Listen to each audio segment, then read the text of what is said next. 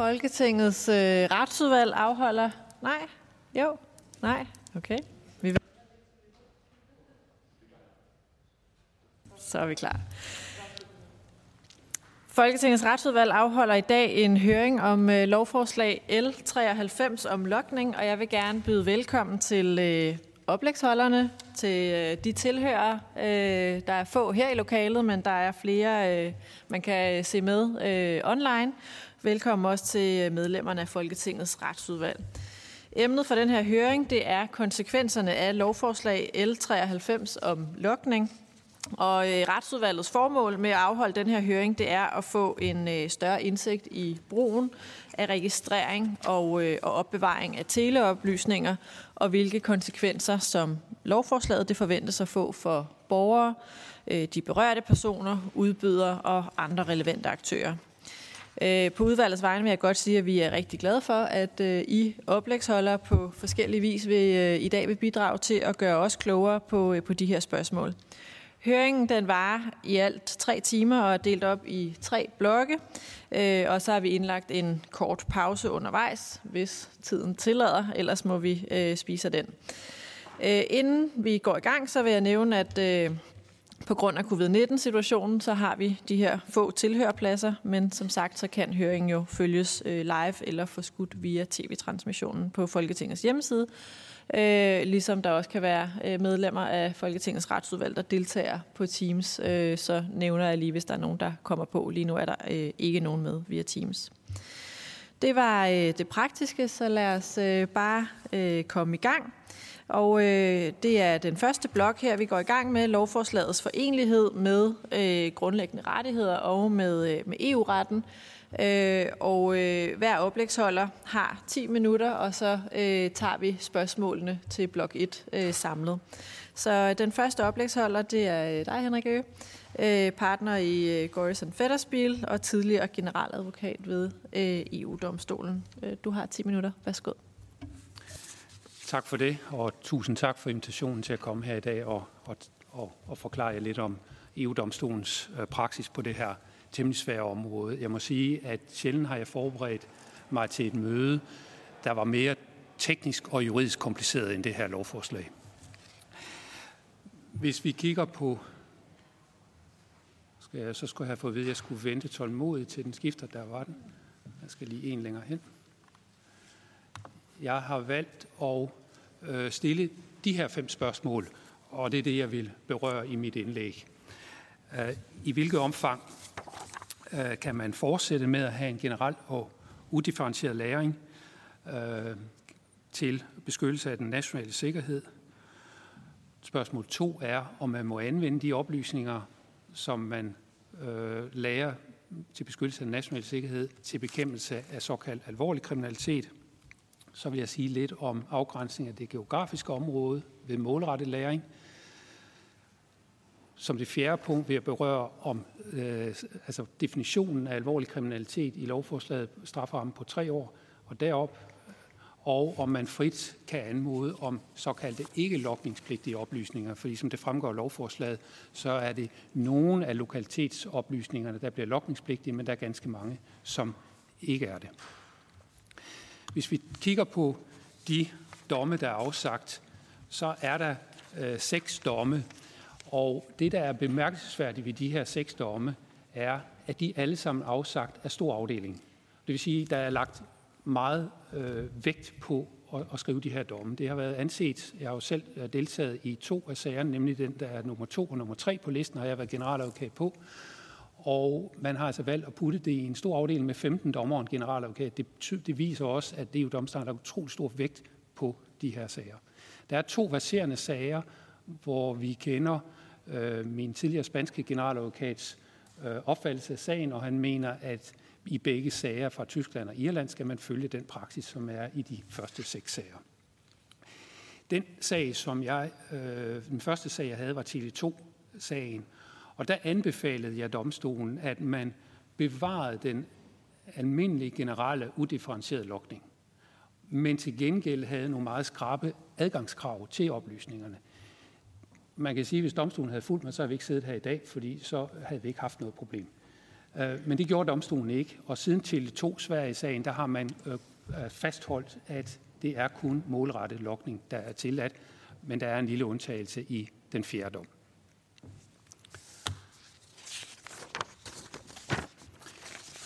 Der skulle gerne være skiftet. Den er. Jeg skal trykke igen. Der er nogle generelle principper, man skal være opmærksom på. For det første, det der hedder e-databeskyttelsesdirektivet, har som sit udgangspunkt, at oplysningerne er anonyme, og der ikke er adgang til dem. Altså alt, hvad vi bruger vores mobiltelefon til, er der sådan set hemmelighed omkring. Hvor vi er henne, hvem vi sms'er til, hvad der står i sms'en osv., og hvem vi ringer til. Og at, at man ikke har adgang til det. Så er der en undtagelse i artikel 15, som domstolen fortolker indskrænkende. Og det er fordi, at trafikdata og lokaliseringsdata kan give et meget detaljeret billede af privatlivet. Øh, det er der FN-rapporter og også rapporter fra Strasbourg, der viser. Det er en afvejning, vi skal foretage her imellem på den ene side kriminalitetsbekæmpelse, altså beskyttelsen i artikel 6 om sikkerhed for borgerne, og så respekt for privatliv og beskyttelse af personoplysninger og data i artikel 7 og 8. Og de bestemmelser, det er dem, der findes i EU-charter om grundlæggende rettigheder. Så har jeg skrevet som det femte, at det er kultursammenstød, fordi min oplevelse, når jeg har siddet med de her sager, har været, at der er meget, meget stor forskel mellem landene i Europa på, hvordan man ser på den her afvejning.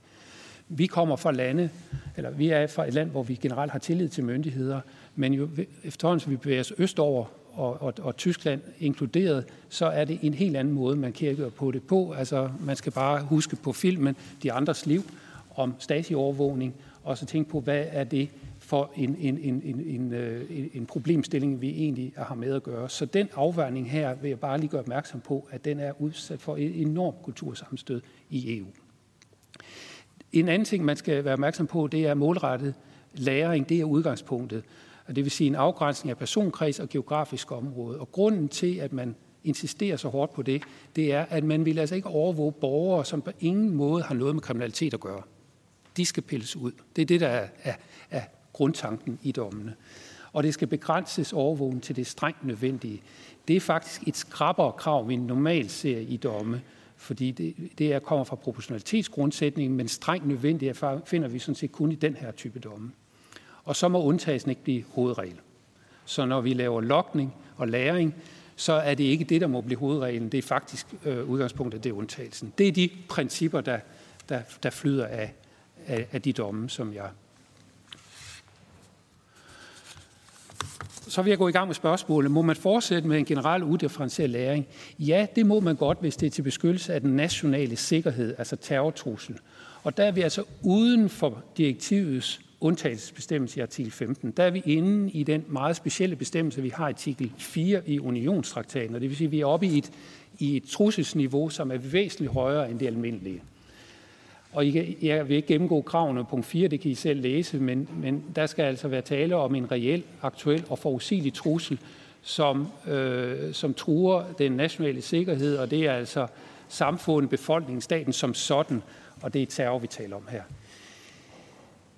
Det er tilfældet i Frankrig, og den sag, La Quadrature du Net, det er en forelæggelsesspørgsmål øh, fra den franske højesteret Conseil d'État. De har afgjort sagen efterfølgende den 21. april, og har fundet, at Frankrig står over for en så alvorlig terrortrussel med antallet af terrorhandlinger i Frankrig og det konstante pres, der er på det franske samfund, at de mener, at de er i stand til at fortsætte med generel og udifferentieret læring. Men Conseil d'État skriver også, at det må ikke have systematisk karakter, og man har givet pålæg til regeringen om løbende at vurdere, om terrortruslen nu er så stor, at det berettiger til det her. Vi tager spørgsmål 2. Må man så anvende oplysninger fra generel læring til bekæmpelse af alvorlig kriminalitet? Svaret her finder man i, som det også fremgår af lovforslaget, i præmis 166 i La Quadrature du Net. Og min vurdering er, at det må man ikke. Så når Justitsministeriet skriver i lovforslaget, at der er en væsentlig procesrisiko, så mener jeg ikke, at det er en underdrivelse. Der er en alvorlig procesrisiko her. Og det skyldes, og jeg kommer tilbage til det i den næste planche, proportionalitetsvurderingen. Altså det, man gør indgreb i, det skal svare til det, man vil beskytte. Og når jeg har skrevet i princippet i, i, i parentes i den her præmis, så er det fordi, at ordene i princippet er røget ud i en senere dom i den, der hedder HK-sagen. Der har man tæ- valgt at tage det ud, øh, sådan at det er, at, at, man, man, at hvis, hvis indgrebet i, i privatlivsfred er lille, så kan det berettige til at bruge til almindelig kriminalitet. Hvis indgrebet er stærkere, så kan det være alvorlig kriminalitet, og hvis det er meget stærkt, så kan det være terror. Det er sådan en trætrinsraket. Og punkt to, det er, at man kan ikke bruge noget, der er indsamlet til bekæmpelse af alvorlig kriminalitet, til i almindelig simpel kriminalitet. Så man kan ikke gå nedad. Men man kan godt i overensstemmelsesproportionalitetsprincippet gå opad. Så det, man har samlet til alvorlig kriminalitet, kan man godt bruge til bekæmpelse af terror. Og det skyldes, og det er lidt kompliceret, og jeg har noteret mig, at Justitia har, har beskæftiget sig med det i høringssvaret, og prøvede at, at, at, at forklare, hvad det er, Justitsministeriet siger i lovforslaget.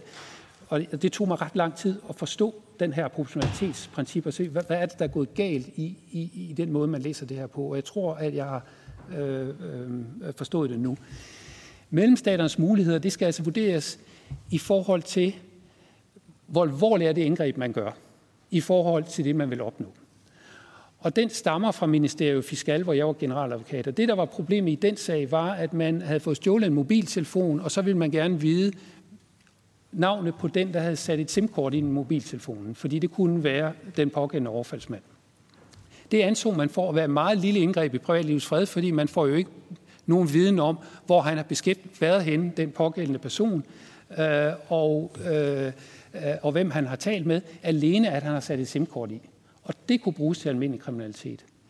Målrettet læring, det er så den grove kriminalitet, det fremgår til 2-sagen, og den generelle læring, det er den nationale sikkerhed, det er la Côte du Net.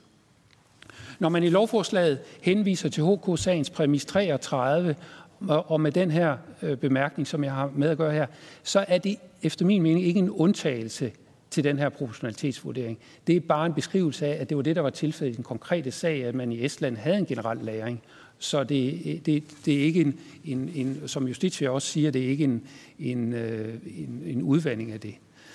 Hvad siger dommen for Frankrig?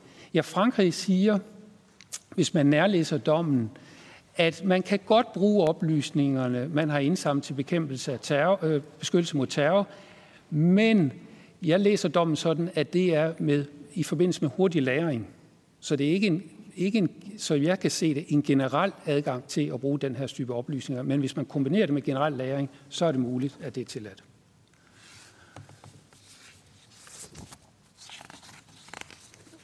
Er der en væsentlig procesrisiko? Ja, det tror jeg, der er. Øh, og det, der jo også peges på i lovforslaget, det er, at man kan risikere, at det ikke kan bruges som bevis i straffesager. Og det skyldes effektivitetsprincippet, at hvis man har bruger oplysninger, der er indhentet i strid med de EU-retlige grundrettigheder, så kan de kun bruges i det begrænsede omfang, at man er sikker på, at, at øh, kontradiktionsprincippet er overholdt, altså at den tiltalte har mulighed for at bestride de her oplysninger. Og det kan jo være vanskeligt. Er der andre sager, der kan komme på tale? Ja, det ligger sig selv, at hvis man ikke følger EU-domstolens praksis, så er der en mulighed for traktatkrænkelsessager, eller det kan være andre foreninger, som fører sager, og der er jo en, en verserende sag i højesteret i øjeblikket.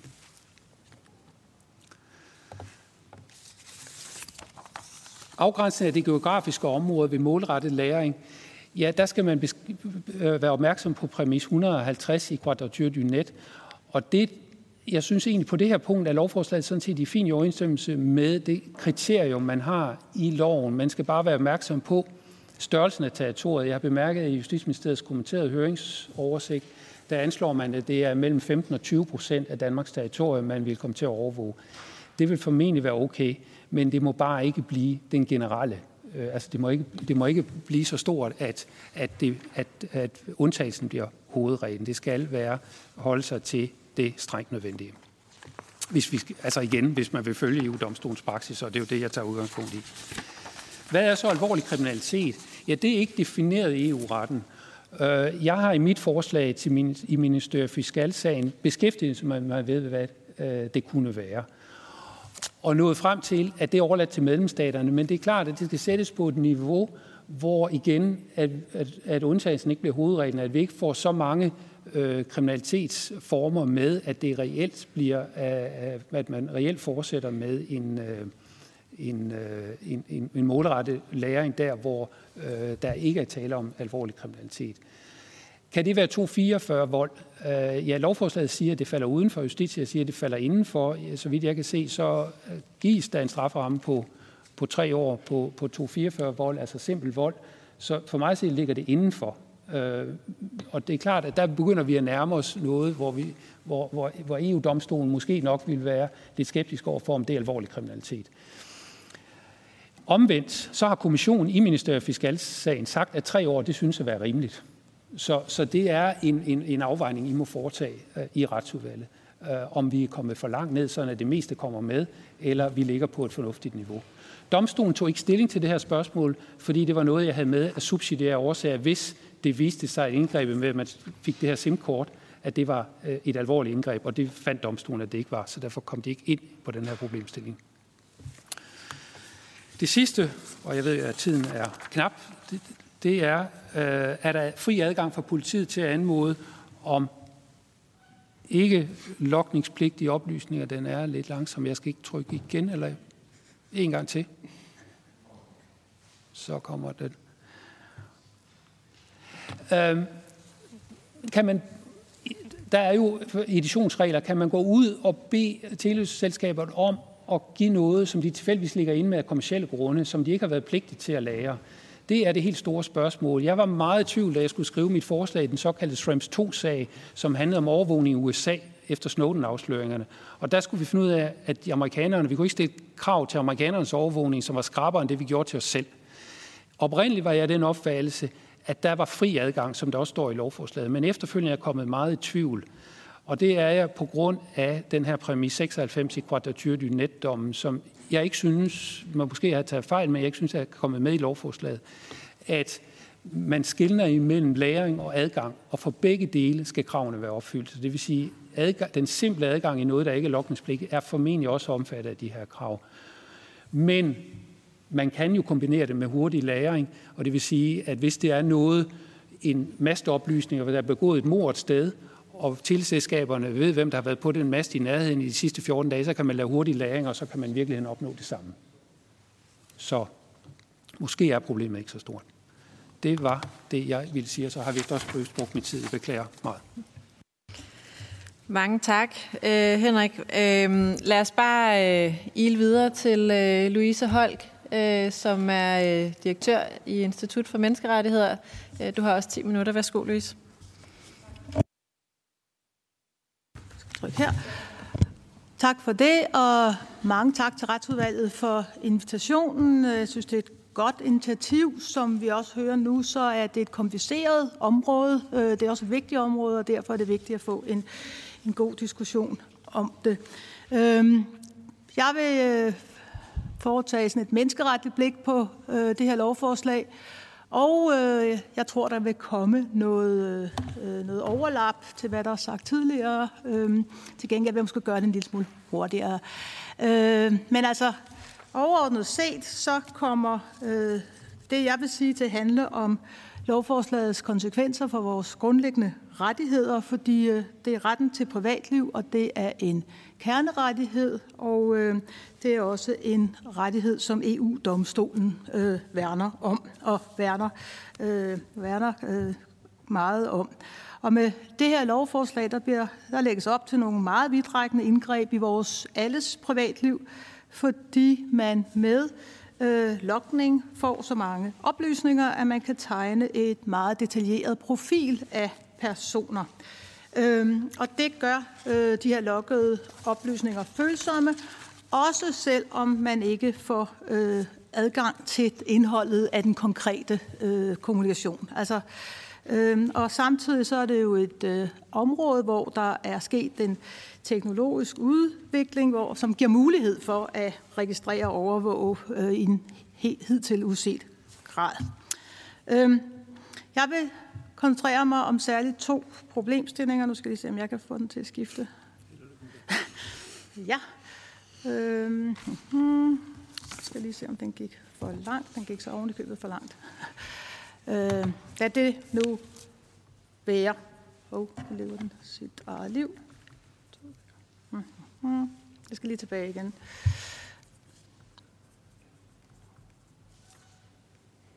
Oh. ja, den er ikke så nem, den her, kan jeg afsløre. Ja, okay.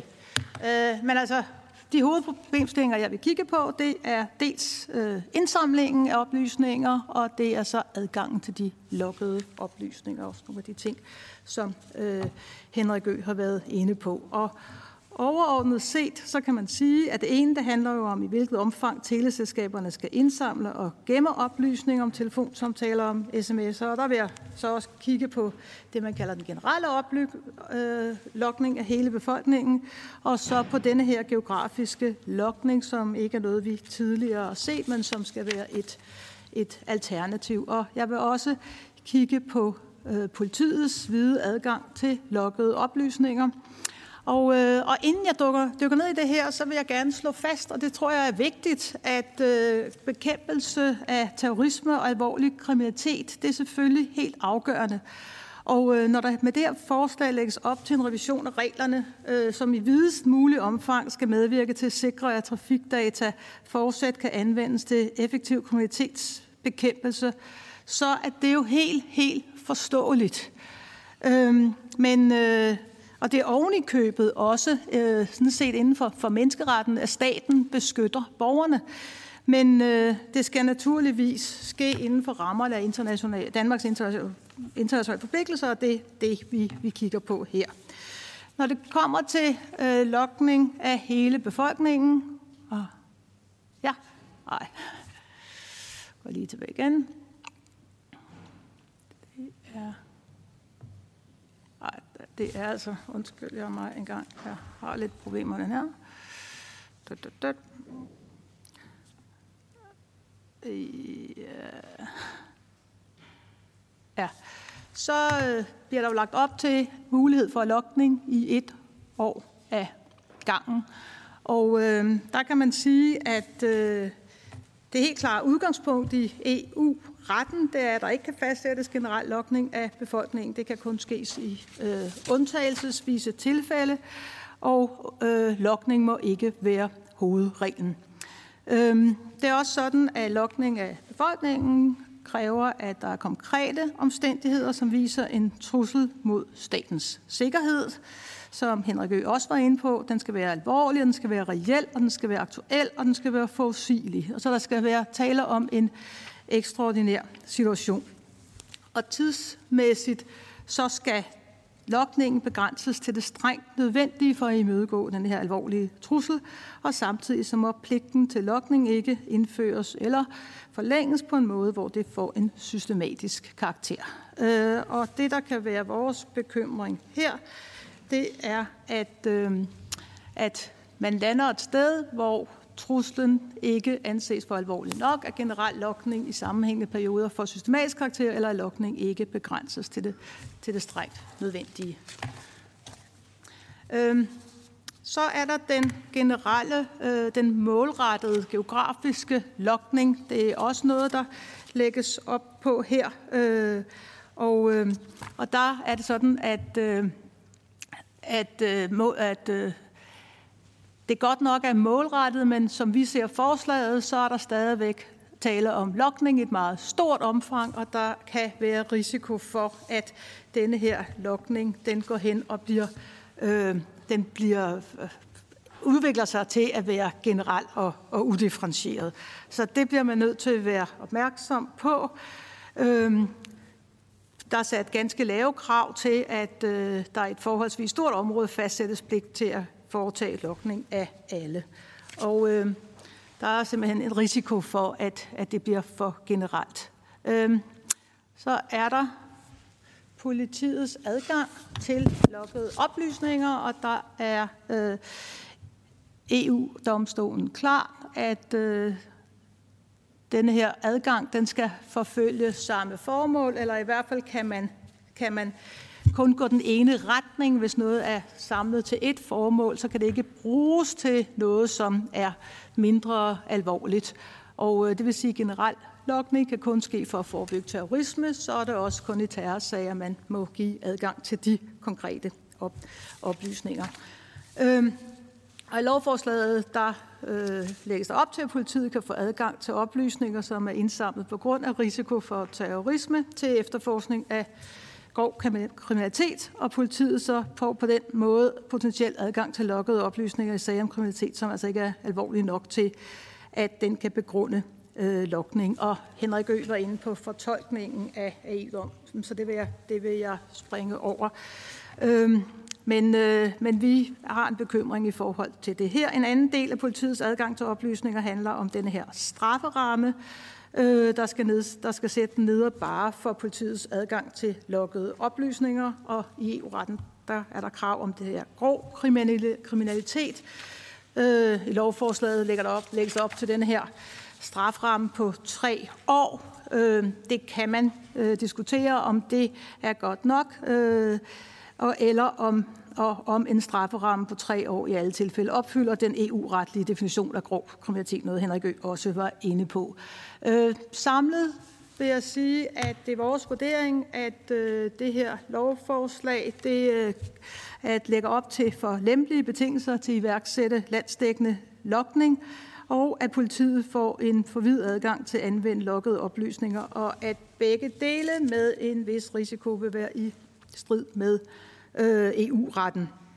Øh, man kan sige, at øh, der nævnes jo en væsentlig procesrisiko her. Det er, øh, det er vi i hvert fald enige i. Øh, det er sjældent, at øh, jeg har ikke set udtrykket væsentlig procesrisiko før. Jeg har set en vis procesrisiko, jeg har set andre former for procesrisiko. Jeg har ikke set væsentlig procesrisiko. Øh, det, øh, da man introducerede procesrisikoen, tror jeg første gang for seks år siden, der var der en vis procesrisiko. Det var da man indførte en treårs øh, ventetid for øh, flygtninge med midlertidig opholdstilladelse. Det var jo det, der, øh, den sag, der gjorde, at, øh, eller der førte til en dom ved Menneskerettighedsdomstolen i juli måned i år, hvor 16 ud af 17 dommere sagde, at Danmark var gået for langt. Og det var altså en vis øh, procesrisiko. Her har vi en væsentlig procesrisiko. Vi mener, at hvis man vedtager det her, så vil øh, det indebære både en problematisk indskrænkning af privatlivet og en, en svækkelse af retsstatsprincippet ved at gå så tæt på, på grænsen. Tak for det. Tak, Louise. Så øh, går vi videre til øh, sidste oplægsholder i den her blok. Det er øh, dig, Jakob Matamgama, øh, direktør i Justitia. Øh, og øh, når du har holdt dit oplæg, så øh, åbner vi op for øh, spørgsmål fra øh, udvalgsmedlemmerne. Øh, og øh, Jakob skal gå lidt tidligere, så hvis man har nogle spørgsmål, så er det her øh, lige efter oplægget, at man skal øh, stille dem, øh, hvis det er Jakob, der skal besvare dem. Værsgo, Jakob. Tusind tak øh, for invitationen. Øh, jeg er glad for, at, at Henrik Ø. også henviste til vores øh, meget detaljerede øh, høringssvar, øh, øh, som ikke er udformet af mig, som er udfærdiget af, af min meget, meget dygtige medarbejder Helene Kvist Pedersen, som desværre er desværre for mig, heldigvis for hende, er på barsel, øh, men jeg skal gøre mit bedste for at, at oversætte hendes øh, jura til et, øh, Øh, et, et forståeligt øh, sprog, og håber heller ikke, at jeg hægter mig selv øh, af på, på vejen. Øhm, altså det er jo, som flere var inde på, øh, man kan nemt fortabe sig i de sådan meget øh, teknisk juridiske øh, detaljer i, i det her spørgsmål, og, og de mange forskellige domme. Men måske kan det engang imellem også være en idé lige at løfte sig op og ligesom sige, hvad, hvad drejer det, det her så om? Øhm, og, og på et område kan man jo sige, jamen, kunne man vælge at sige, jamen, hvad, hvorfor er problemet? Altså langt de fleste, øh, når jeg sender en sms øh, eller ringer, jeg mærker ikke, øh, at min sms øh, bliver registreret, eller at min mobiltelefon kobler sig øh, på, på en mast. I, for langt de fleste danskere vil det være nogle øh, informationer, som ingen på noget tidspunkt øh, kommer til øh, at, øh, at kigge på. Så hvad er øh, overhovedet problemet? Desuden er der nogle retssikkerhedsmæssige garantier, øh, øh der, der skal opfyldes, før man kan få adgang øh, til det. Men omvendt, så tror jeg også, man kan sige, at, at øh, jeg tror, det er ret vigtigt, at, at Folketinget forholder sig til, om vi skal være et sted, hvor den teknologiske udvikling gør, øh, at, at myndighederne automatisk skal kunne koble sig op på den. Fordi lad os sige, at vi levede i en mere analog verden. Så lad os sige, hvis man på samme måde skulle have øh, kunne, kunne, kunne se, hvem jeg havde kommunikeret med, eller hvor jeg havde øh, givet mig rundt i det danske land, så ville det jo rent faktisk kræve god gammeldags fysisk overvågning. Så ville det kræve, at der var en, en person, som havde fulgt efter mig og, og skrev, Jakob øh, opholdt sig der og der øh, med, med en times interval. Øh, Jakob snakkede øh, med den og den. I sådan et tilfælde vil, alle, vil vi alle sammen sige, ej, det vil vi aldrig nogensinde aktivisere. Men det er kun fordi, at det er en automat, automatisk øh, registrering af de her oplysninger, som øh, er umærkelige for, alle, for, for, for de fleste, at vi synes, øh, at det er okay. Men der synes jeg altså, det er vigtigt, at vi får en mere grundlæggende øh, diskussion af, om den mulighed, som jo kun kommer til at udvikle sig med den teknologiske udvikling fremadrettet, om det så bare er et princip, vi ligesom skal hægte os på, at så skal myndighederne bare kunne høste de, øh, de data, som vi i stigende omfang, øh, kan man sige, sviner med øh, som, øh, som, som, som borgere. Og vi skal jo selvfølgelig også lægge vægt på, at de oplysninger i sig selv den, øh, måske ikke giver særlig meget. Der er ikke tale om indhold, øh, der er tale om, om metadata, men når du kombinerer de data, så kan du få et meget, meget, meget øh, intimt indblik i, hvem en, en, en person er. Øh, man kan også forestille sig særlige situationer, for eksempel øh, øh journalister, øh, hvis, man, hvis man kunne se, hvem en journalist havde snakket med, hvor længe på et bestemt tidspunkt, øh, jamen så kunne det øh, være øh, fatalt for whistleblower øh, øh, øh, osv. Så, så, så, så de her øh, data betyder noget. Øh, man kan sige, øh, at, at det her spørgsmål om lokningsregler forenlighed med EU-retten er jo et spørgsmål, som i den grad øh, har, har, har fyldt i den danske debat. Den allerførste analyse, vi lavede i Justitia i 2014, den handlede om, om, om lokningsreglerne, hvor vi konkluderede, at øh, de danske lokningsregler var i strid øh, med EU-retten. Der blev vi hældt ned af brættet i øh, Justitsministeriet, men det viste sig, at der trods alt var noget om det med de efterfølgende domme, øh, som, som, som har været øh, nu. Øhm, og, og der kan man sige, så nu har øh, man, øh, er, er regeringen jo så tvunget til ligesom at kigge mere øh, kritisk øh, på det efter den her øh, lange række øh, af domme, Og det er selvfølgelig også øh, positivt, at man trods alt prøver at, at, at lave en afbalancering, fordi der er vigtige hensyn på hver sin øh, side. Øh, det er selvfølgelig klart, at vi lever i en verden med organiseret kriminalitet, med terrorisme øh, osv., og der er rigtig mange øh, nyttige ting, de her data kan blive, øh, øh kan blive, kan blive brugt til. Øh, det, det øh, skal jeg være den første til øh, at anerkende. Og omvendt har vi så det her øh, hensyn til øh, privatlivsbeskyttelse og, og, og, og databeskyttelse. Øhm, overordnet set, så øh, vil vi øh, dog sige, øh, at øh, dele af lovudkastet indebærer en, en risiko for, at den, den nuværende, altså i, efter vores opfattelse, ulovlige retstilstand de facto øh, opretholdes, og at krænkelsen af privatlivets fred og retten til persondatabeskyttelse vil fortsættes. Og det kan man jo også se i, i forbindelse med det her, at man nævner, at der er en væsentlig øh, procesrisiko. Øh, Øh, det øh, er blandt andet, øh, gælder, når det gælder rammerne for vurdering af, om der foreligger en trussel, der kan legitimere generel og udifferentieret øh, lokning sammenholdt øh, med den del af forslaget, hvor efter der kan gives adgang til, til de loggede data øh, til brug for bekæmpelse af grov øh, kriminalitet. Øhm, jeg tror også, at vi måske er lidt mere skeptiske end, end Henrik Ø i forhold til øh, den geografiske øh, lokning, altså rammerne for dem, sådan om de øh, kommer til at, at kunne være så hvide, øh, at det reelt øh, bliver, bliver øh, for store dele af landet, som, øh, som bliver underlagt øh, lokning, og det derfor ikke længere kan anses for målrettet. Øh, og selvfølgelig det her øh, spørgsmål om om frugten af det forbudne træ, om man så må sige, om man kan bruge øh, øh, oplysninger indsamlet til, øh, til, til øh, terrorbekæmpelse, til mindre øh, grov øh, kriminalitet, som vi også er meget øh, øh kritiske øh, over øh, for. I forhold til spørgsmålet om øh, generel og udifferentieret lokning, øh, så, så, øh, så udnytter det jo den, den undtagelse, der, øh, der, der, der er anerkendt i, øh, i EU-retten, øhm, og, øhm, og hvor ministeren efter forhandling med erhvervsministeren kan fastsætte regler om generel og udifferentieret lokning, når der foreligger tilstrækkeligt konkrete omstændigheder øh, i forhold til national sikkerhed, øh, som må anses for at være reel og aktuel eller forudsigelig. Øhm, og øhm, der ligger EU-domstolens praksis væk på, at det skal være en begrænset periode, øh, at øh, begrænse til det strengt nødvendige, at lokning aldrig må blive hovedreglen eller antage systematisk karakter, og at vurderingen skal være baseret på konkrete omstændigheder, og der skal være tale om en reel og aktuel eller forudsigelig øh, trussel. Og der kan vi godt være bekymrede for, at den øh, model, der er lagt op til nu, ikke øh, Øh, indeholder tilstrækkelige, øh, kan man sige, retssikkerhedsmæssige garantier til, at der, øh, at man i alt tilfælde øh, sikrer sig, øh, at de her betingelser øh, er øh, er, øh, er opfyldt. Øh, for eksempel ved at læne sig op af CTA, og det er en minister, ministeren, som mere eller mindre øh, enhændigt kan, øh, kan beslutte det. Øh, øh, så øhm, øh, ja, og, og, og, og, og også det her med, med, med ministerens øh, kompetence, jamen der kunne man for eksempel overveje, om øh, vurderingen skulle øh, foretages i, i samarbejde med en mere uafhængigt øh, øh, organ, altså sådan at det ikke øh, er, er ministeren, der enhændigt øh, kan, kan, kan beslutte det, eller der i hvert fald er en eller anden form for checks and balances, retssikkerhedsmæssig garanti, øh, øh der kommer ind over, så der ikke risikerer at være et misbrug misbrug.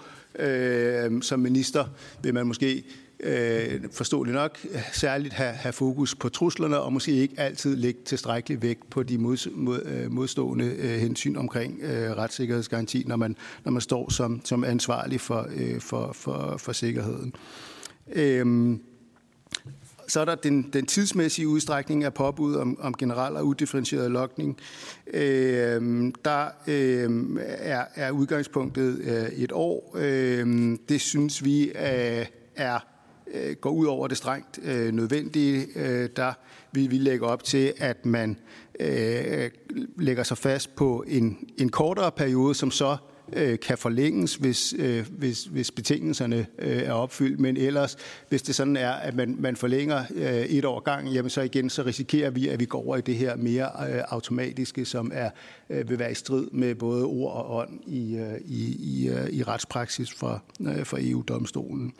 Øh, og endelig så øh, er øh, som Henrik Ø. var, var, var inde på, øh, enig i, øh, at, at Øh, Justitsministeriet går galt i byen i forbindelse med, med fortolkningen af de her øh, relevante domme i forhold til adgangen til, til den data, der er, er indhentet øh, til, til, øh, til, til, til brug for, for øh, terrorbekæmpelse, at man kan bruge det til, til, øh, til, til mindre alvorlig kriminalitet end, øh, end det. det øh, en, en sådan adgang til, til, til frugten af det forbudne træ, øh, kan man sige, går jo strider direkte med, med de øh, øh, med hele behovet for at opstille de her øh, strenge betingelser øh, for, øh, for, for indhentelse i første omgang, øh, og derfor vil det være en, en, en form for omgåelse, og derfor må det have formodningen for os imod sig, at man kan operere med en, en sådan orden. Så det var sådan umiddelbart de øh, kommentarer, øh, jeg havde. Tusind tak, og du fik øh, også gjort det meget øh, kort og kompakt. Øh, Tak, Jacob. Øh, nu er der mulighed for at stille spørgsmål, og øh, vi har, øh, ud over dem, der er til stede fra retsudvalget her i lokalet, så er Susan Kronborg og øh, Aki Mathilda Høgdam også med på Teams. Øh, og bare lige en opfordring. Øh, tiden er knap, så øh, korte og præcise spørgsmål og øh, korte og præcise svar. Øh, første spørger, det er øh, Eva Flyvholm fra Enhedslisten. Værsgo, Eva. Jamen, øh, tusind tak øh, alle tre for at, øh, at gennemgå det. Altså, jeg sidder jo tilbage med et ret klart indtryk af, at øh, i hvert fald fra jeres perspektiver, så, øh, så er der en række problemer i det her øh, lovforslag, øh, må man sige. Øh, det er jo også min holdning. Øh, det jeg egentlig gerne ville spørge øh, ind til, det var især øh, i forhold til, til Henrik Ø også, altså hvis man skulle vurdere sandsynligheden, nu Louise var, var ret tydelig i det, men hvis man skulle vurdere sandsynligheden af, at det lovforslag, som det ligger her, det faktisk er i strid med øh, EU-retten. Hvad, hvordan vil du så øh, sætte dine penge, øh, eller hvad skal man sige på det? Øh, og, øh, og så måske mere en, øh, lige en detalje til, til Jakob, fordi du nævnte øh, det her med, at der er... Øh, nogle begrænsninger på politiets adgang, hvor jeg hører mere, at det Louise også... Hvor jeg hører mere, at det Louise siger også, at der faktisk ikke er så mange begrænsninger. Så kan du lige ja, specificere, øh, hvad du egentlig... Øh, hvad du, hvad du tænker på der, fordi det er også... Kommer her. Men øh, tusind tak til alle tre. Lad os lige få Karina Lorentzen med også øh, som øh, spørgsmål, øh, eller stille spørgsmål. Værsgo, Karina. Jamen tak for ordet, og tak for jeres øh, oplæg. Øh, jeg tror også, jeg sidder med en oplevelse af, at det her det ikke øh, kommer til at holde hele vejen øh, til retten.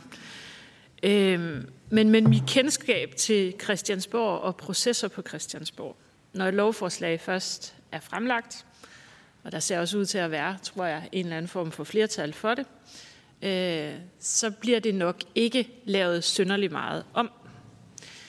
Øh, det vil jeg selvfølgelig kæmpe for, at det gør. Men hvis nu, at vi kun kan flytte nogle små ting i det lovforslag, hvad vil I så råde os til at sætte kræfterne ind på allermest? Altså hvis forslaget skal ligge der nærmest uændret, hvad det jo har tradition for på Christiansborg, det er meget sjældent, at man hiver det af bordet og starter forfra. Hvad er det så, vi skal gå i gang med? Henrik, du får øh, ordet til en start. Værsgo. Ja, øh, tak for det. Tak for spørgsmålet. Det første spørgsmål fra Eva Flyveholm, der vil jeg sige, det, det er nok det, som Justitsministeriet selv betegner som en alvorlig procesrisiko, der også er det, der springer i øjnene på mig, nemlig kan man bruge oplysninger, man generelt indsamler til brug for terrorbekæmpelse til at øh, bruge i anden form for alvorlig kriminalitet. Det mener jeg sådan set vil være en omgåelse af den praksis, som er fra EU-domstolen for at tage livet af posen. Øh, så det var også derfor, jeg sagde, at jeg tror ikke, det er nogen underdrivelse, at man skriver det på den måde. Øhm, af, de, de andre punkter, der tror jeg også, man skal være meget opmærksom på adgangen til de ikke lokningspligtige oplysninger, altså mit femte punkt.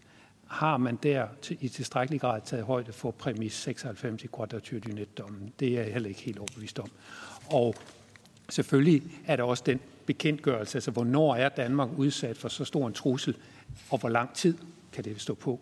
Og der kan man se af dommen fra Frankrig, fra øh, Conseil d'État, at, at man, man, man nævner antallet af terroranslag i Frankrig, som jo er betydeligt. Øh, og man siger samtidig, at det skal vurderes med jævn mellemrum, om vi stadigvæk er i den her situation. Øh, det, jeg tror næsten, det er besvaret begge spørgsmål, hvis jeg skal også for at gøre det kort. Ja. Louise, har du noget? Ja, ja tak, og, og godt, godt spørgsmål. Øh, altså, jeg er sådan set, øh, jeg er, jo, jeg er jo enig af det her med politiets adgang til oplysninger. Det er jo der, øh, øh, man også fra øh, regeringens side eller Justitsministeriets side peger på, at der er en, en særlig risiko. Så det, det synes jeg vil være oplagt at, at tage fat på. Øh, når det er sagt, så så øh, vil vi også an, altså anbefale i forhold til det, jeg har sagt tidligere, at man simpelthen hvis man kan sikre, at generel og udifferentieret lokning alene øh, begrænses til, til de her ekstraordinære undtagelsessituationer, og at man også i forhold til denne her øh, geografiske lokning sikrer, at det ikke får et omfang, så øh, det de facto må anses for øh, generelt og udifferentieret. Når det så er sagt, og så ved jeg ikke, om jeg, skal, jeg må anbefale noget fra, fra kollegers høringssvar, men jeg synes sådan set, nogle af de øh, øh, retssikkerhedsforslag til styrket retssikkerhed, der er i Justitias øh, øh, høringssvar, synes jeg også, hvis det er noget, man ud fra sådan mere øh, politisk, øh, regelpolitisk betragtning kan komme igennem med, så var det måske også en, en vej at gå, som, som vi også gerne anbefaler. Øh, værsgo, Jacob. Ja, tak. Øhm, yes, nu skal jeg lige tilbage her, og, øh, og, og ja, det, det du, øh, i forhold til politiet, jamen det er jo, øh, at det er jo ikke bare sådan, at selvom øh, der er en forpligtelse til at logge, at så øh, har politiet sådan automatisk adgang til det. Der er stadig øh, en række krav for, at man kan få adgang øh, til data. Det er selvfølgelig helt, helt afgørende, øh, at, at det ikke bare kan man sige, er sådan en, en automatisk databank, øh, og som man så bare kan sidde som myndighed og, og suge på, øh, om det så er, er politiet eller skat eller hvem det var, så, så, så tror jeg ikke, der var nogen, der var i tvivl om, at det her det vil være øh, i strid med, med, med alle mulige øh, regler. Så det, det skal man selvfølgelig også, øh, når man har retssikkerhedsbrillerne på, øh, øh anerkende, at der er nogle gældende øh, retssikkerhedsgarantier. I forhold til, til, til, til ændre ting, jamen der øh, vil, jeg, vil jeg henvise til vores, vores høringssvar øh, og sige, at, at der, der synes jeg, at, at der er en række konkrete ting, øh, Altså det kan for eksempel øh, være, hvornår at der foreligger en tilstrækkelig trussel til at kunne iværksætte general og udifferentieret lokning. Altså hvis man kan objektivisere det noget mere, kvalificere det mere, øh, sådan at, at vi, vi går væk fra, kan man sige, et, en, en ordning, hvor at skønnet bliver så bredt og, og, øh, og, og for, hos, øh, hos, hos myndighederne, at det, at det i princippet bliver en form for blankocheck, som man ikke rigtig kan, og der i øvrigt ikke er nogen kontrol med det, eller nogen mulighed for ligesom at, at, at efterprøve det. Så, så hvis man kan, det kan man jo skærpe i, i, øh, i, i lovbemærkningerne Øhm, øh, sådan at det ikke bliver så, så, så, så bøjelige og føjelige øh, øh, krav til det. Det, det. det tror jeg vil være noget af det, som kunne batte øh, noget. Øh, det vil være nogle, nogle konkrete retssikkerhedsmæssige garantier, som ikke nødvendigvis vil behøve, gjorde, at man behøvede at, at ændre i selve lovteksten, men, men gjorde det i bemærkningerne, øh, øh, så, så man ligesom sagde, i må lige, I må lige skærpe øh, betingelserne for, at man kan iværksætte øh, det her. Øhm, så, så, så, så, så det, det, og, og det vil være en, kan man sige, en, en, en tankerække, som vil være helt øh, ligge på den flade, tror jeg, man kan sige, for, for, for, øh, for, for folk i, i, i Justitsministeriet, lignende, altså, at, at man, at de der retssikkerhedsmæssige overvejelser i forhold til ligesom at sige, hvilken, øh, kan man sige, checkliste skal vi igennem, før at vi kan sige, at nu er betingelserne øh, opfyldt. Øh, og øh, man kunne også, noget af det, man også var, var forhold til øh, kompetencen til at iværksætte generelt og udifferentieret lokning. Igen skal det ligesom være justitsministeren, som, som sidder som, som, som ligesom den, som øh, i, i meget vidt omfang selv kan, øh, kan vurdere det, og så ud fra nogle ret øh, føjelige øh, præmisser, jamen så, så giver man en, en meget stor øh, øh, magt til, til, til justitsministeren, og selvfølgelig skal der være noget fleksibilitet øh, i det her, øh, men, men hvis man kan ligesom kvalificere det og objektivisere det, så, så tror jeg også, man kunne øh, komme øh, langt, og måske endda, hvis man kunne få et, et koblet et ekstra organ på, noget uafhængighed, sådan at der var nogen, der, der ligesom kiggede med eller kiggede over øh, øh skulderen, øh, jamen så tror jeg også, at det øh, ville være øh, en, øh, en, en styrkning. Så kunne man pege på det her med den tidsmæssige udstrækning, øh, altså et år lang tid, øh, hvis man øh, for eksempel var pragmatisk anlagt og sagde seks måneder, og, og så havde en, en proces, hvor man ligesom, hvor der tog kritisk stillingtagen til det, jamen så var det jo også en retssikkerhedsmæssig, og man kan sige, jo flere af de her retssikkerhedsmæssige ting, man, man, hvad hedder det, man skruer på i retssikkerhedsmæssig retning, jo mere favorabel vil den samlede vurdering øh, vil også være, hos, hos, øh, hos, hvis EU-domstolen skulle kigge på det øh, efterfølgende. Øh, og så selvfølgelig er der det her helt konkrete ting i forhold til, til frugten af det forbudne træ, som, som vi mener er, er simpelthen ikke flyver, øh, og, og som man bliver nødt til at gå tilbage og, og, og, og ændre på, sådan at man ikke med den ene hånd kan sige, det, det må vi ikke, det kan vi ikke, øh, og det er kun nogle, nogle, nogle oplysninger, vi kan få under helt specifikke omstændigheder til et specifikt brug, men når vi har iværksat den procedure, som vi i øvrigt kan gøre ret lempeligt og, øh, og, og rent administrativt, så kan vi også samle de informationer ind og bruge dem øh, til, øh, til, til langt mindre alvorlig kriminalitet. Det, det, der, der synes jeg også, det vil klæde Folketinget ligesom at sætte foden øh, ned der. Det vil jo ikke ændre på, at man kan bruge det her til det, som ligesom er hele bevæggrunden for det, at der er en terrortrussel øh, mod, mod øh, Danmark, øh, og man kan bruge oplysningerne til det. Øh, så giver jeg ordet til Preben Bang Henriksen øh, for et spørgsmål. Og Jacob, jeg skal lige bede dig om at slukke din mikrofon. Jacob? Ja, undskyld. Tak. Værsgo, Preben. Ja, tak. Uh, tak for fremmødet her, tak for, for de oplysninger, vi har fået hidtil. Nu har vi jo haft lokning i mange år, generelt udefineret lokning, det er jo så det, der er blevet påtalt her. Øh, og den har jo, øh, det kommer vi så til at høre om senere, medført, at øh, tusindvis af meget, meget grove forbrydelser, drab, øh, brandstiftelse, voldtægter, øh, våben osv. er blevet øh, opklaret, og at de pågældende er blevet dømt. Jeg har respekt for jeres indlæg her, men kunne I ikke oplyse, har vi et enkelt tilfælde, kan I nævne et enkelt tilfælde, hvor der er en borger, hvor øh, de loggede oplysninger er blevet misbrugt af myndighederne.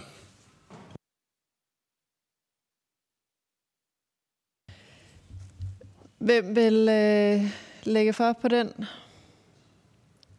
Øhm, altså man kan jo sige, at vi har haft en, øh, en, en teledata-sag, øh, hvor som, som øh, måske ikke direkte handlede om det her, men som ligesom viste, at, øh, at, at der ikke var, var, var fuld styr på, øh, på, på, øh, på, på, på data.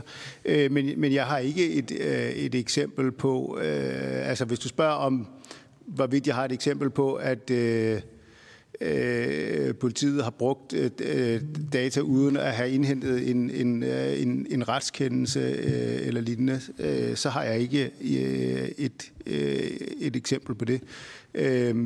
det synes jeg sådan set heller ikke er et afgørende øh, kan man sige, øh, argument øh, for, at man ikke kan gøre noget, at man ikke kan vise et eksempel på, øh, at myndighederne ikke har, har overtrådt øh, loven. Øh, det, det kan vi forhåbentlig lægge til grund, at det gør de i, i langt de fleste øh, i langt de fleste øh, tilfælde. Øh, men for at man skal overholde øh, loven, så kræver det jo også, at der er øh, nogle, øh, nogle regler. Og jeg synes, nogle af de ting, som, som er kommet frem her, er jo ikke, det er jo ikke et forsøg på at sige, at nu skal man bare øh, lægge hele lokningsordningen øh, død. Det er rent faktisk et, hvor man siger, jamen vi anerkender, at den varetager nogle væsentlige hensyn, at den er et vigtigt instrument for øh, myndigheder, men der også er nogle modstående øh, hensyn, og dem kan man styrke øh, ved, nogle, øh, ved nogle tiltag, som ikke nødvendigvis er dramatiske, men som selvfølgelig kan gå længere end, altså man kan sige, at justitsministeren har meget klart ligesom udtalt, hvad han mener om, om, øh, om, om EU-domstolens praksis på det her område, og hvordan, og hvordan hensynet skal være mellem øh, overvågning og, og, og, og frihedsrettigheder. Og det er jo selvfølgelig et fuldstændig legitimt øh, politisk øh, synspunkt øh, at have, om end det selvfølgelig på et eller andet tidspunkt rammer ind i, i, i den beskyttelse af, af grundrettigheder, som, som, vi, som vi blandt andet snakkede om her. Øh, og derudover selvfølgelig også, kan man sige, nogle, nogle retspolitiske øh, betragtninger om, hvor balancen skal være mellem øh, retssikkerhed og, og overvågning.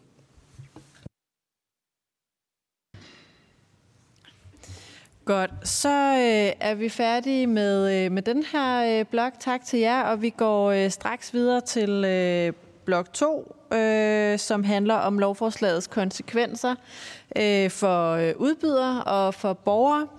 Øh, og vi starter med øh, et oplæg fra, øh, fra dig, Jesper Lund, formand for IT Politisk Forening. Du har 10 minutter. Værsgo.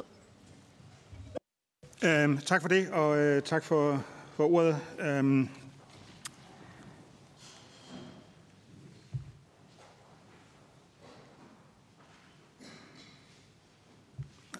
Ja, øh, ja, jeg har fået til, til opgave at øh, sige noget om øh, øh lovforslagets konsekvenser for, for, for borgerne. Om sige, det vil i, i, det, i et vidt omfang komme til at, eller i et vist omfang i hvert fald komme til at overlappe lidt med de, med de første indlæg om øh, grundlæggende rettigheder, fordi grundlæggende rettigheder er der jo for, for at beskytte borgerne.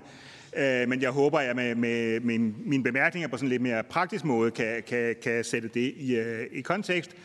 Øh, og så vil jeg til, til sidst øh, lægge hovedet på blokket og sige, øh, og argumentere for, at øh, det er aldrig dokumenteret, at øh, logning er nødvendigt, men, men øh, det kommer til sidst. Så det vi snakker om, det er metadata om kommunikation, eller trafik- og lokaliseringsdata, som det hedder i, øh, i e-databeskyttelsesdirektivet. Øhm, det er øh, oplysning om, øh, hvem jeg ringer til, hvem der ringer til mig, og tilsvarende med sms, øh, hvor længe vi taler sammen, øh, hvor jeg befinder mig på, på, øh, på, på kommunikationstidspunktet, øhm, og så er det oplysninger om, øh, om tildelt IP-adresse. Det er de nuværende logningsregler, og det vil også være de, de fremtidige logningsregler i, øh, i, i øh, stort set uændret omfang, for så vidt angår datatyperne. Og det er data, der samlet set kan bruges til at tegne en meget præcis profil af, af personen, som, som det også er blevet, blevet nævnt i de tidligere indlæg.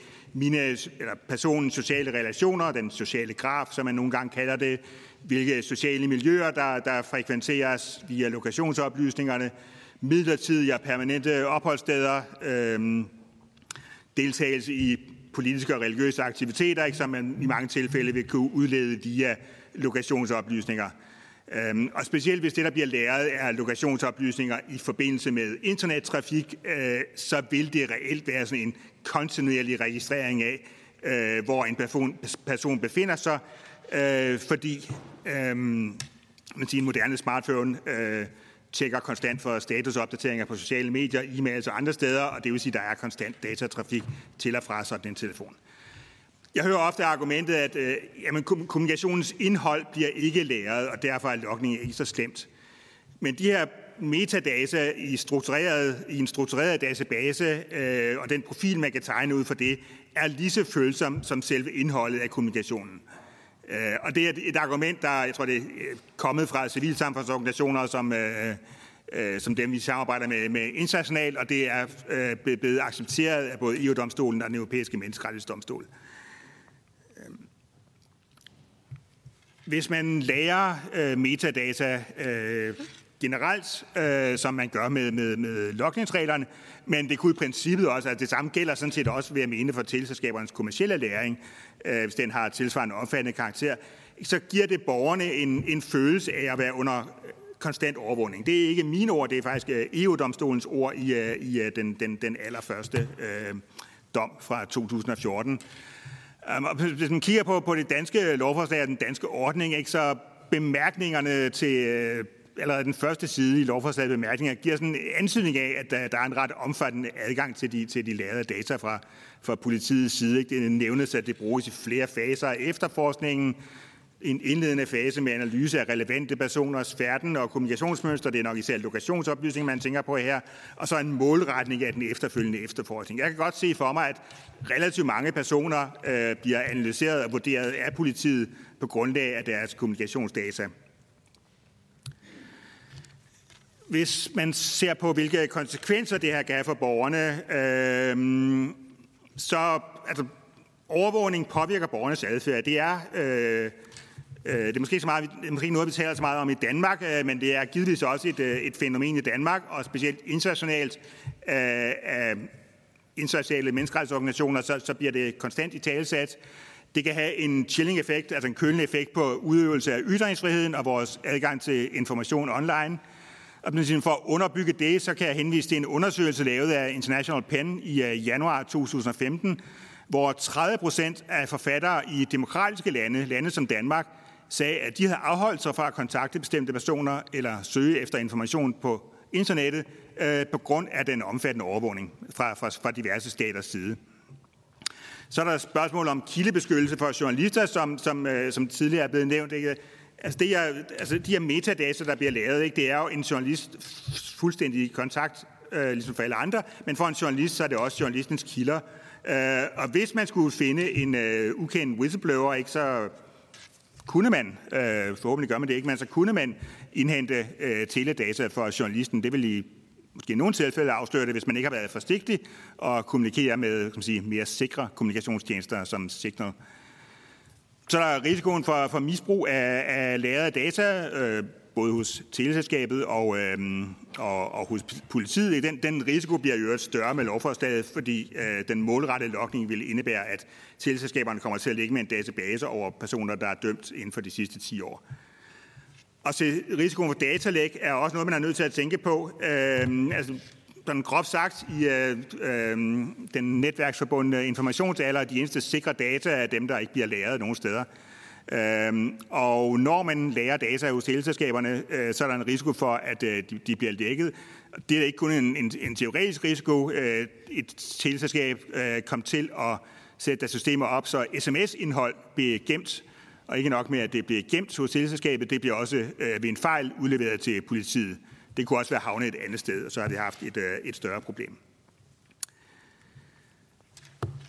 Så er der spørgsmål, er, øh, nu den anden del af min præsentation, er det her meget store indgreb overhovedet nødvendigt. Øh, det er sådan en juridisk vurdering, hvor der, øh, eller, hvor der, og i den del ligger der blandt andet en vurdering af, er der mindre indgribende foranstaltninger. Og det er, synes jeg, desværre noget, vi, nu har vi haft diskussioner om lokning i et 20 år i Danmark, det er noget, som vi reelt aldrig har vurderet i Danmark. Hvis vi går helt tilbage til det allerførste lovforslag, så sagde Justitsministeriet, at øh, jamen, kravet om nødvendighed er opfyldt, fordi data vil ikke være tilgængelige uden generel lokning. Men det skal være nødvendigt, at formålet af almindelig interesse, såsom kriminalitetsbekæmpelse, ikke for at sikre tilgængelighed af data. Så det, det er en cirkulær vurdering. Ved, øh, ved Tele2-sagen, der gjorde øh, Danmark så bemærket, så bemærket, at det blev citeret i The Guardian, at det var nødvendigt at lære øh, data generelt, fordi man ikke på forhånd kan vide, hvilke data, der bliver relevante for politiet. Det er jo sådan øh, uh, NSA uh, øh, collected all, fordi vi ved ikke, hvad vi får brug for uh, argumentet, ikke? og det er virkelig skruen uden ende, uh, hvor, hvor privatlivet stille og roligt vil, vil, vil blive udhulet. Um, Ja, øh, vi havde vores uh, teledatasag for, for øh, nogle, nogle år siden, ikke, hvor et meget stort antal sager skulle, skulle, under, eller skulle, ja, skulle undersøges med henblik på, på en mulig genoptagelse. Øh, fordi politiet gennem en meget lang periode havde behandlet de her meget vigtige lokningsdata øh, med den allerstørste, øh, det allerstørste sløseri, og der var blevet introduceret et øh, utal af fejl i disse data, uden man sådan helt var klar over, hvad der, hvad der var sket, og havde noget revisionsspor af, hvad der inde var blevet fremlagt i, uh, som bevis i retten. Men på trods af, at man gennemgik øh, op mod 10.000 sager, så var der ikke en eneste sag, der, der, hvor, man, hvor anklagemyndigheden vurderede, at der var behov for at genoptage sagen. Og det gjorde man blandt andet med det argument, eller med det argument, der blev fremhævet af den, af den øh, uafhængige følgegruppe, var, at teledata ofte indgår som et blandt andre beviser, og at ingen bliver dømt på grundlag af teledata alene. Det er naturligvis betryggende for, for retssikkerheden, at, at ingen er blevet uskyldigt dømt øh, på grundlag af, af, af forkerte data. Men jeg synes også, at det modsiger, at øh, en generel og udifferentieret lokning skulle være nødvendig og at man ikke kan klare sig med mindre. Mindre kunne være en målrettet lokningsordning, mindre kunne også være hastesikring. Øhm, så selvom man kan sige, EU-domstolen har selvfølgelig taget stilling til, at øh, generelt udifferentieret lokning til kriminalitetsbekæmpelse overskrider grænsen for det strengt nødvendige, så er der principielt ikke grund til at diskutere det længere. Men det er jo stadig ikke en relevant diskussion, synes jeg, om man ikke man kunne gøre det her med, et lidt ind, med en lidt mindre indgribende foranstaltning end øh, generelt udifferentieret lokning. Nu kan vi ikke lave et eksperiment, hvis vi nu ophævede lokning i Danmark i morgen. Hvad vil der så ske? Men vi kan prøve at skille til lande, som, øh, der ligner os, som ikke for tiden har lokning. Tyskland siden 2010, Østrig siden 2014, Nederlandene siden 2015 har ikke lokning. Øh, generelt udifferentieret lokning.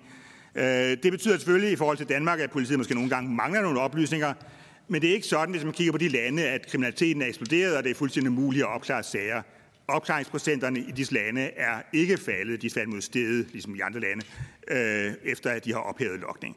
Så der er simpelthen i mine øjne øh, ikke nogen evidens for, at det er nødvendigt at have den her generelle overvågning. Mindre øh, kan gøre det, øh, målrettet lokning eller i kombination med, med, med hastesikring.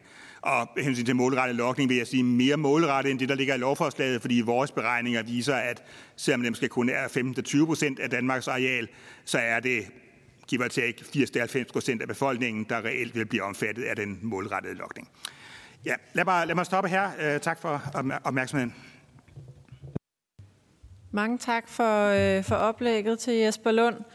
Øhm, vi har øh, fået Peter Skåb med på, øh, på Teams også, bare øh, til øh, oplysning. Og så øh, er der jo flere oplægsholdere, der har de her slides. Øh, så til retsudvalgets medlemmer og til eventuelt interesserede tilhører, så vil jeg bare sige, at Øh, Øh, de bliver omdelt efter øh, høringen her, og øh, man kan også finde dem inde på retsudvalgets hjemmeside under L93. Men øh, lad os gå videre til øh, Jakob Biller, direktør for øh, Teleindustrien. Øh, og øh, efter det oplæg, så er der mulighed for spørgsmål. Værsgo. Mange tak, og tak for invitationen til at fremlægge telebranchens synspunkter ved denne høring. Vi har i telebranchen forståelse for, at man politisk ønsker at sikre redskaber til at kunne forebygge og bekæmpe og retsforfølge grov kriminalitet og trusler mod statens sikkerhed. Men teleselskaberne er ikke sat i verden for at overvåge og registrere sine kunder. Vores opgave er at bygge bredbåndsnet og mobilnet og udbyde bredbånd og teletjenester til vores kunder. Vi har ingen økonomiske interesser eller kommersielle interesser i at foretage lokningen og gemme data længere tid, end vi selv har brug for dem til at drive vores net og vores tjenester. Det er derfor forkert, når det i lovforslaget anføres, at reguleringen er erhvervsmæssigt agil og understøtter mulige nye forretningsmodeller. Det gør den ikke. Den foreslåede lovgivning skal alene løse statens ønske om på meget kort tid at få teleselskaberne til at etablere et meget avanceret IT-system til lokning og målretning af lokning, vel at mærke uden at staten selv skal betale for det. Hvis man politisk ønsker et sådan system, så bør man også være villig til at betale for det og sikre, at teleselskaberne får dækket deres omkostninger, som Justitsministeriet vurderer til at være over 200 millioner kroner blot til implementeringen. Det reelle beløb er væsentligt højere, da flere elementer i forslaget endnu ikke er byrdeestimeret i processen. Når det drejer sig om selve indretningen af lokningen, så har vi fra branchens side tre ønsker til de nye regler. Det første er, at det skal være lovligt. Det andet er, at det skal være praktisk muligt med rimelige og realistiske frister. Og det tredje er, at det skal kunne implementeres uden store omkostninger. Hvis vi tager det første punkt om lovligheden, der er en risiko for, at forslaget til nye danske lokningsregler er i strid med EU-retten. Det ved vi fra Justitsministeriet, som har været meget klare om det, de kalder en væsentlig procesrisiko, og vi har hørt bekymring udtalt fra flere oplægsholdere her i dag. Det er et stort problem. Vi skal have sikkerhed for, at reglerne er i overensstemmelse med EU-retten og ikke skal ændres og implementeres i flere omgange med endnu flere omkostninger til følge. Det andet punkt, vi har med, det handler om, at det skal være praktisk muligt at efterleve reglerne med rimelige og realistiske frister for implementering. Generelt er de foreslåede regler meget komplekse, og teleselskaberne vil skulle bruge 12-15 måneder til at etablere de nødvendige systemer til at kunne håndtere geografisk og personmålrettet lokning. Træder loven i kraft 1. marts 2022, så vil der gå i hvert fald et år, hvor teleselskabernes IT-systemer ikke kan understøtte målrettet lokning. I den overgangsperiode forudsætter lovforslaget, at teleselskaberne skal kunne iværksætte en manuel løsning for målrettet lokning, og de detaljerede krav til den manuelle løsning skal fastsættes i en bekendtgørelse, som vi endnu ikke kender indholdet af. Jeg vil her gerne understrege, at der ikke er nogen hurtige eller nemme manuelle løsninger til målrettet lokning i overgangsperioden. Det kræver udvikling af nye IT-systemer, og det er helt afgørende at tage hensyn til, så der ikke udstedes regler om lokning i overgangsperioden, som vil være umulige for teleselskaberne at efterleve i praksis. Det betyder ikke, at politiet vil være på bar bund, hvis der sker en forbrydelse. Selv i en situation, hvor der ikke sker generel og udifferentieret lokning, så vil politiet ved brug af hastesikring kunne sikre data, der gemmes, der gemmes både øh, lokationsoplysninger og trafikoplysninger. Det gør teleselskaberne. De gemmer øh, til deres eget brug både lokationsoplysninger og trafikdata i kort tid. Det er typisk omkring to uger. Og vi gemmer også kaldsoplysninger i vores faktureringssystemer. Disse data kan gemmes i længere tid ved brug af hastesikring i efterforskning af sager om grov kriminalitet. Det vil sige, efter lovforslaget, de sager, der har en strafferamme over tre år. Men med lovforslaget er der lagt op til, at politiet kan iværksætte hastesikring uden en kendelse. Det er problematisk og efter vores vurdering i strid med EU-retten. Hastesikring kan i praksis sidestilles med målrettet lokning, og det er derfor også vores klare opfattelse, at hastesikring af data kræver en forudgående dommerkendelse. Det tredje vigtige punkt, vi har med, det er, at lokningen skal kunne implementeres uden store omkostninger. Og det er muligt at reducere og forenkle kravene, og derved også nedbringe omkostningerne, uden at gå på kompromis med retssikkerhed og politiets efterforskningsmuligheder. Vi har tre konkrete forslag til, hvordan reglerne kan forenkles og samlet reducere implementeringsomkostningerne for, for branchen med mere end 100 millioner kroner. Vi har tidligere fremsendt et bilag til retsudvalget med vores tre konkrete forslag. Jeg vil berøre dem kort her. Det første forslag vedrører kravet om CPR-indberetning til 118-databasen, som er unødvendig og unødvendigt dyrt for selskaberne. Teleselskaberne kan kvalitetssikre og validere deres abonnentoplysninger, som indberettes til 118-databasen, så politiet har et mere sikkert grundlag at iværksætte målrettet lokning på baggrund af. Men kravet om, at teleselskaberne skal indberette CPR-numre, er ikke nødvendigt. i stedet for at næsten 100 teleselskaber skal udvikle nye funktioner i IT-systemer til at indberette CPR-nummer til 118-databasen, så kan politiet med en allerede eksisterende standardfunktion i CPR-databasen selv koble abonnenten med CPR-nummeret i deres systemer. Så kravet om indberetning af CPR kan og bør fjernes. Og vores forslag indebærer også, at kravet om indberetning af brugerdata udgår Selskaberne har ingen mulighed for at validere, at brugeroplysninger er korrekte, og derved også er oplysningerne, de vil derved også være ubrugelige til at foretage målrettet lokning på baggrund af. Vores andet konkrete forslag er at, lave, at lade geografisk målrettet lokning, øh, at det ikke skal omfatte fastnettelefoni. Der findes i dag ikke systemer, der kan identificere abonnenter på fastnet og IP-telefoni i geografiske områder. Brugen af fastnettelefoni er meget begrænset. Det er under 8 procent af alle abonnementer, øh, og det er fortsat faldende. Og politiet har selv vurderet, at lokning af fastnettelefoni kan have begrænset efterforskningsmæssig værdi. I for eksempel Sverige har man helt afgrænset sig fra lokning af fastnet. Og så findes der et alternativ, skulle det være nødvendigt i nogle tilfælde at lokke bestemte fastnetforbindelser, så vil politiet på baggrund af adresseregistreringer i 118-databasen kunne oplyse tilselskaberne om de fastnetnumre, som man ønsker omfattet af lokningen. Det sidste forslag, vi har med, det er, at kriminalitetskravet for udlevering af trafikdata bør fastsættes ens for alle typer trafikdata. Lovforslaget medfører, at de oplysninger, som vi er forpligtet til at logge, kun skal udleveres til brug for sager om grov kriminalitet, det vil sige sager med en strafferamme på minimum tre år. Mens de ikke lokningspligtige data skal udleveres i alle sager, uden krav om strafferamme. Det betyder, at for eksempel lokaliseringsdata fra en person, der bruger apps eller går på internettet fra sin mobiltelefon, skal udleveres i alle sager uden kriminalitetskrav, mens lokaliseringsdata fra sms'er eller samtaler ikke kan udleveres i alle sager, men kræver en, et kriminalitetskrav på over tre år. I praksis er de lokningspligtige og de ikke lokningspligtige data lige indgribende og lige følsomme, og vi mener derfor, at der bør fastsættes samme kriminalitetskrav for begge typer data. Gør man det, så øger man lovligheden. Det er jo Henrik Øs bekymringspunkt nummer 5, at der er de her to typer data, som, som, øh, som bliver udleveret med forskellige kriminalitetskrav. Man øger lovligheden, man øger retssikkerheden, man undgår nogle meget dyre filtreringssystemer hos teleselskaberne, og man fjerner også en meget stor risiko for, at der bliver begået fejl. Fordi det her er komplekst, og jo mere komplekst vi laver det, jo større er risikoen for fejl. Så man løser sådan set rigtig mange udfordringer på samme tid ved at droppe det krav og fastsætte et ens kriminalitetskrav. Og så forringer det ikke politiets muligheder for at bekæmpe grov kriminalitet.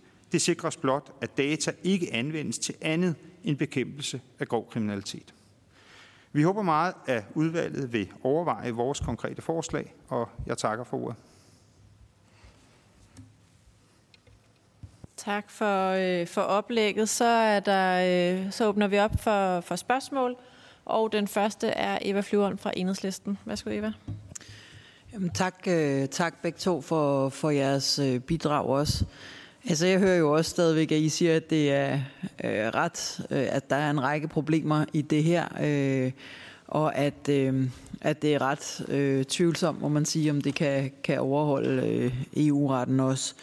Hvad hedder det? Vil I ikke sige lidt mere? Altså, måske kunne du lægge for, Jesper, og så kan Jacob måske supplere. Øh, sådan, øh, vil I ikke sige lidt mere om de praktiske muligheder, der er for øh, for eksempel hasteindhentning og, og nogle af de øh, altså alternative og mindre vidtrækkende øh, redskaber, man også kan, kan bruge, sådan at man kunne komme udenom den her generelle øh, lokning, som jeg jo gerne vil øh, kunne, kunne komme mere udenom. Kan I ikke uddybe det lidt? Det vil være rigtig fint at have et billede af det. Tak. Jeg sparker lige selv et spørgsmål ind også. Øh fordi øh, Jesper, i dit oplæg, der kom du ind på, øh, hvordan situationen er, opklaringsprocenten blandt andet i nogle af de øh, øvrige lande, øh, hvor man ikke har den her generelle lokning. Øh, kan du sige noget om, øh, altså, hvad har været diskussionen, den politiske diskussion måske, øh, i, øh, i de lande, også bare for at få en fornemmelse af, hvordan... Øh, øh, ja, hvordan det egentlig ser ud, øh, har set ud andre steder op til, at man er kommet frem til ikke at have den her generelle Øh, jeg ved ikke, om du kan sige noget om det, men, men det er i hvert fald ret interessant at vide. Øh, ja, værsgo. Okay, jeg tror, det er bedst at starte med, med det sidste spørgsmål, fordi jeg tror, at hastesikring er både noget, jeg og Jakob kan, kan sige noget om. Øhm, altså, det der man siger, der er rigtig mange europæiske lande, hvor en, øh, en domstol har, har underkendt øh, den nationale lokningslov, øh, faktisk både før og, og efter øh, øh dommene fra, fra EU-domstolen.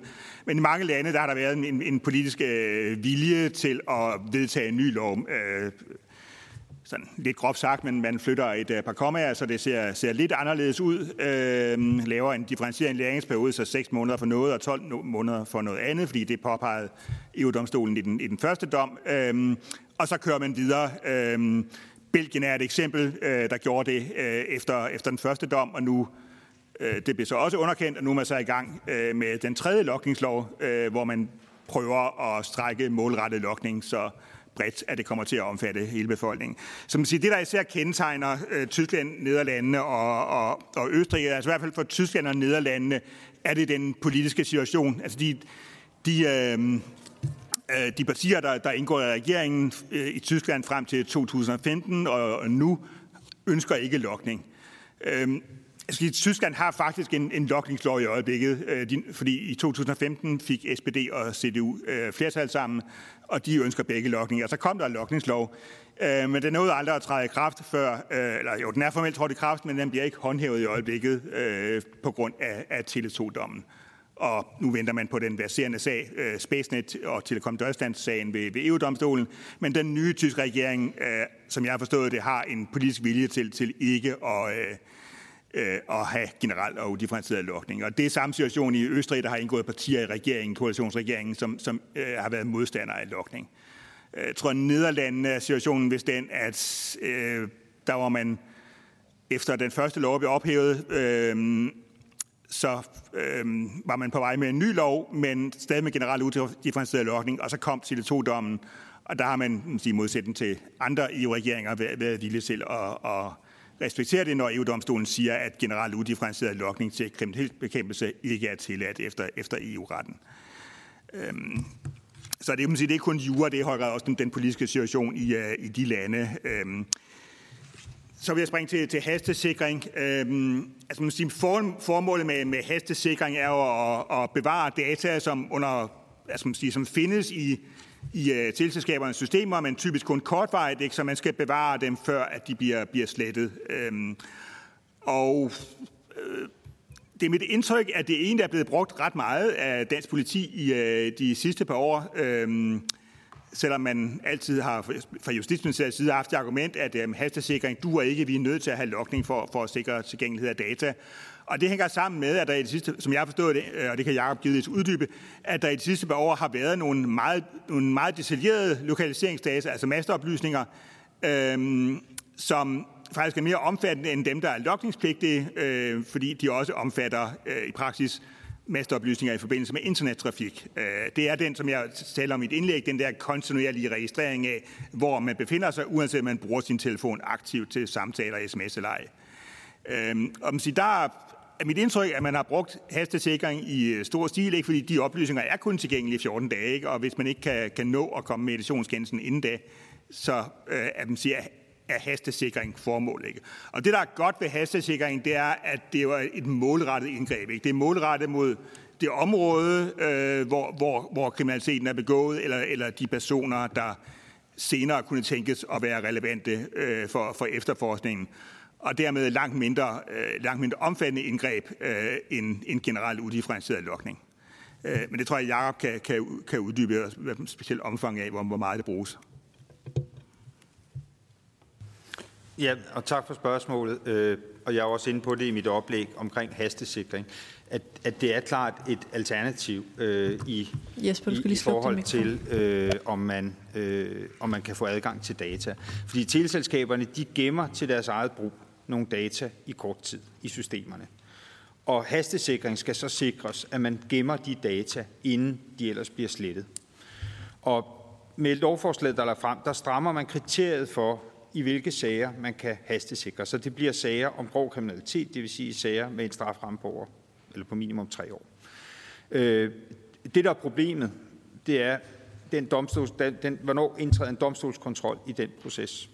Øh, sådan som, som det er lagt op, så er der ikke en kendelse for selve hastesikringen. Og det er det, vi synes kan være problematisk i det, at der kan godt ske hastesikringer, som aldrig nogensinde vil, vil blive begæret udleveret.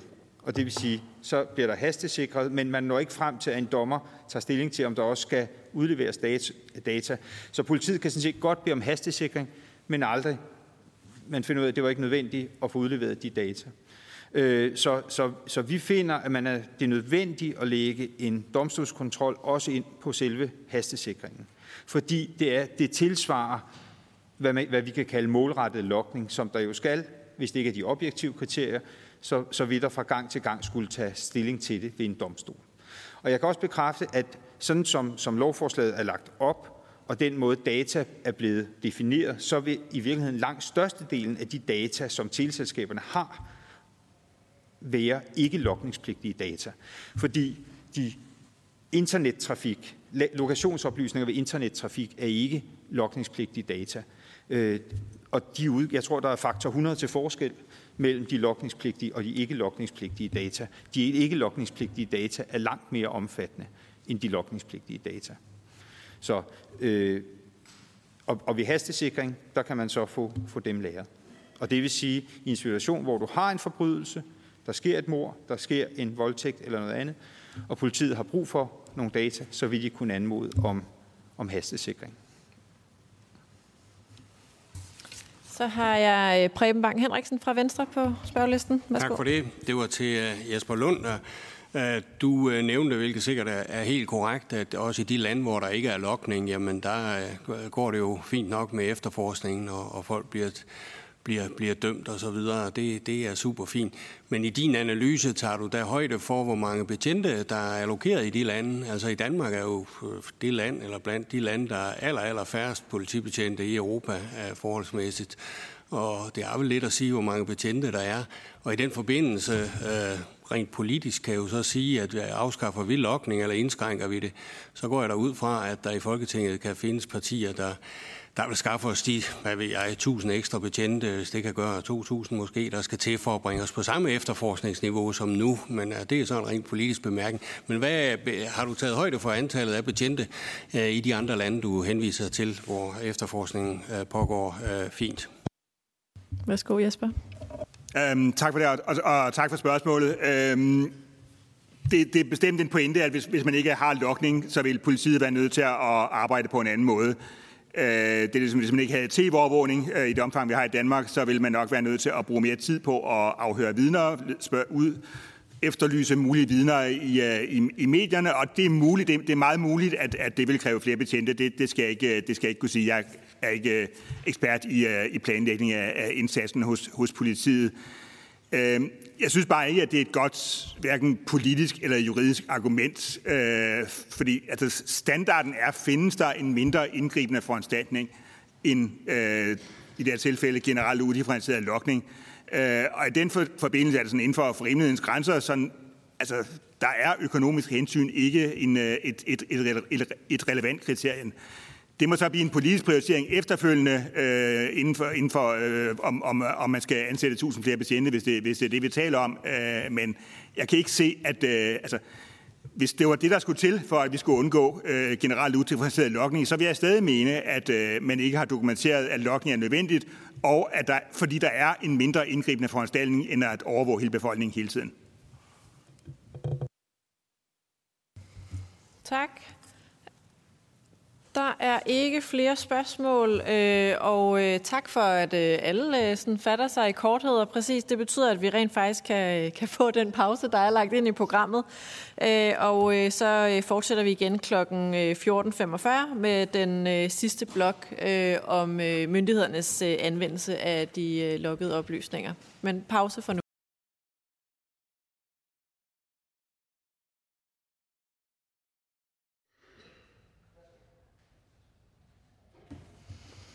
Velkommen tilbage. Også velkommen tilbage til øh, tilhørende ude bag skærmene. Vi er kommet videre til øh, blok 3, øh, hvor vi kommer til at have fokus på myndighedernes anvendelse af lokkede oplysninger. Og jeg kan lige nævne, at justitsministeren er til stede under den her del, øh, men altså som tilhører, og øh, så det er ikke muligt at stille spørgsmål til ministeren. Og øh, selvom medlemmerne af retsudvalget godt ved det, så øh, nævner jeg det lige alligevel, at øh, der kan altså alene stille spørgsmål af faglig karakter øh, til oplægsholderne øh, fra myndighederne, og øh, de politiske spørgsmål, dem må øh, vi jo så adressere på et andet tidspunkt til justitsministeren øh, og eventuelt øh, til skriftlig øh, besvarelse eller under det samråd, som der er på øh, torsdag. Øhm, de første to oplægsholdere, det er Lykke Sørensen, politidirektør i Rigspolitiet, og Lars Mortensen, politiinspektør i National Enhed for Særlig Kriminalitet. Øh, og jeg foreslår, at I, I selv fordeler ordet mellem jer, men I har øh, samlet 10 minutter. Værsgo. Ja, tak for det, og tak for invitationen. Øh, nu har vi jo hørt meget om, om reglerne for lokning, og øh, hvad der går an, og hvad der ikke går an efter EU-ret og menneskeret. Øh, jeg tror, jeg skal sige, at øh, om vi skal have lokning, og hvilke regler, der gælder for det, det er heldigvis et politisk spørgsmål. Øh, det, vi vil sige lidt om, det er, hvis vi har lokket oplysninger, hvad bruger vi det så til? Øh, og øh, jeg tror ikke, jeg, det er en kæmpe stor overraskelse for nogen i lokalet, hvis øh, jeg siger, at det er et instrument og et værktøj, politiet bruger ofte, øh, og det er et rigtig vigtigt redskab øh, for os i, øh, i efterforskningen. Øh, man kunne måske sige fire ting. Øh, det er de her oplysninger er med til at skabe klarhed. Øh, de er med til at afdække forbindelser mellem personer. Øh, de er med til at sætte retning for vores efterforskning, øh, og så er de med til at sikre fremdriften i efterforskning, og på den måde er de med til at, at gøre vores efterforskning øh, effektiv. Øh, hvad er det, de her lokkede oplysninger sådan helt generelt giver os? Ja, de siger jo noget om, der er også tidligere oplægsholdere, der har været inde på det, de siger jo noget om mistænkte personers øh, færden de siger noget om kommunikationsmønstre. De siger noget om, hvem kender hvem, hvem har tæt kontakt med hinanden, øh, hvilket jo er øh, rigtig nyttige oplysninger for politiet i efterforskningen.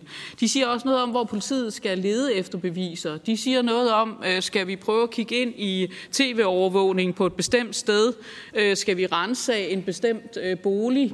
Eller skal vi rette efterforskningen mod nogle bestemte personer? Så på den måde er det altså med til at sætte retning og gøre vores efterforskning effektiv. Og det gælder jo ikke mindst i forhold til øh, den alvorlige organiserede kriminalitet, bandekriminaliteten. Det er jo lukkede miljøer, som ikke har så meget lyst til at tale med os. Øh, det gælder for så vidt både dem, der er involveret i miljøerne, og dem, øh, der er ofre for miljøernes øh, kriminalitet. I de lukkede miljøer, der betyder de her oplysninger rigtig meget. Når man sidder med en kæmpe, kæmpe stor øh, buket af personer, der er involveret, måske, måske ikke, i, i kriminalitet, så betyder de her oplysninger rigtig meget.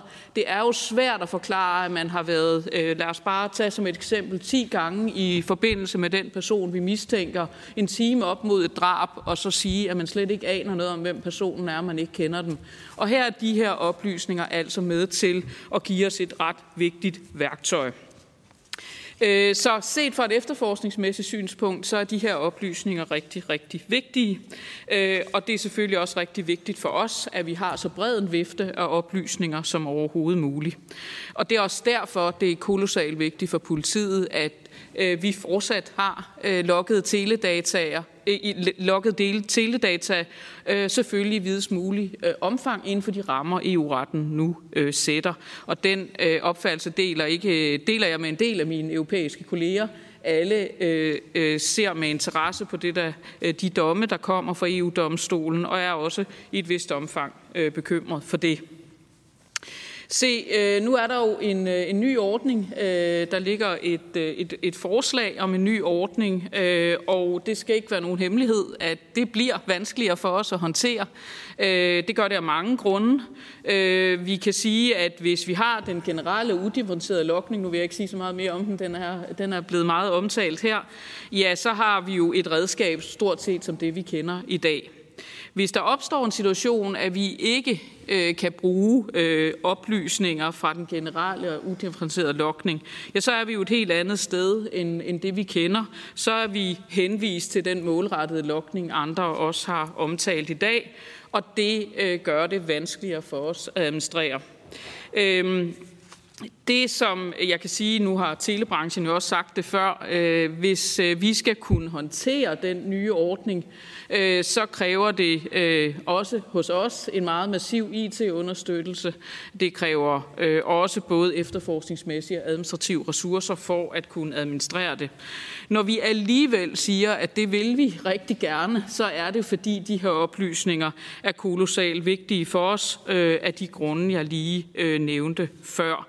Men det er jo også sådan, at jo mere komplicerede regler vi har, jo vanskeligere bliver det også for os. Både at sikre, at vi udnytter reglerne bedst muligt, øh, men faktisk også, at vi ikke begår fejl. Øh, og det er jo en af de bekymringer, vi øh, selvfølgelig har, det er, at vi skal også have en nødvendig IT-understøttelse, så vi i videst mulig omfang kan undgå, at vi ikke kommer til at logge oplysninger på personer, vi faktisk ikke må logge.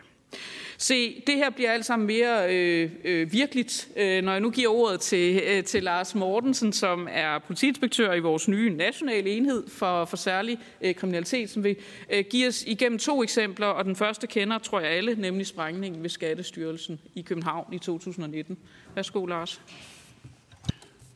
Tusind tak for, for det.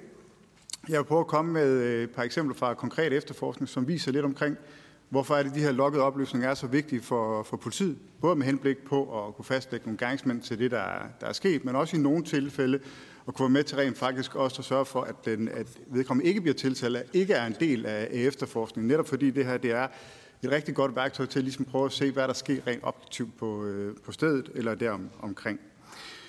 Øh, som Lykke sagde, så den første sag, jeg gerne vil prøve at berøre, det er sprængningssagen fra København øh, i 2019 foran Skattestyrelsen. Nærmere bestemt den 6. Øh, august 2019. Der bliver der sprængt en meget voldsom bombe ind foran øh, Skattestyrelsen med omfattende materielle skader til, øh, til følge. Politiet iværksætter selvfølgelig en massiv efterforskning på stedet. Vi indsamler alle de spor, vi overhovedet kan, både kriminaltekniske spor, videoovervågning, vidneforklaringer, alt hvad der ligesom er inde omkring stedet, så vi kan få flest mulige oplysninger inden fra stedet. I forbindelse med den efterforskning, der foregår ind omkring gerningsstedet, der er en bil, der er, der er mistænkelig. Den cirkulerer flere gange rundt omkring øh, gerningsstedet, og den er interessant i forhold til efterforskningen. Man får også afdækket registreringsnummer, det er en svensk indregistreret bil. Politiet kigger i systemerne for at se, kender vi den her bil i forvejen? Og der viser det sig faktisk, at øh, den samme aften, noget tid efter sprængningen, jamen der kører den her bil over Øresundsbroen, og den går på et automatisk nummerpladegenkendelseskamera ude ved, ved Peberholm. Nu har vi altså en mistænkelig bil, og vi har to forskellige lokationer, hvor den her bil den er blevet set på, på nogle fastlagte tidspunkter. Det er interessant for politiet. Derfor gør man det, at man tager ud og henter øh, lukkede oplysninger, det vi kalder udvidede teleoplysninger, fra begge lokationer på de konkrete tidspunkter, således vi kan prøve at få et billede af, hvem er det, der færdes i det her pågældende køretøj. Og der er nogle få telefonnumre, der går igen, og der er dermed interessant for efterforskning. Blandt andet et øh, svensk nummer. Det er særligt interessant, fordi det øjeblik, det bevæger sig over Øresundsbroen, der modtager det nummer en sms, en service, I kender, når I tager til udlandet om, at nu træder man ind i et andet land, gælder der andre takstregler osv. Samtidig kan vi se på det nummer, at det også modtager en sms fra et andet øh, svensk nummer, inden da det er inde i forbindelse med gerningsstedet. De to telefonnumre er selvfølgelig interessant for efterforskning. Derfor bliver der indhentet yderligere logget oplysninger på de konkrete telefonnumre, og samtidig bliver der også indhentet lokaliseringsoplysninger. Alle de data til sammen, sammen med de spor, der er derinde, den videoovervågning, der er på vejen, det gør, at politiet er i stand til at kunne kortlægge den her bil og de her telefoner, og i sidste ende de mistænktes færden, før under og efter selve sprængningen. Det er en kæmpe hjælp for politiet. Det gør blandt andet politiet stand til at kunne se, at den bil var kørt ind på en tankstation, hvor man så kan gå ud og hente, hente videomateriale fra tankstationen, og nu begynder jeg lige pludselig også at få et billede af, hvad er det for nogle mennesker, der sidder i den her bil.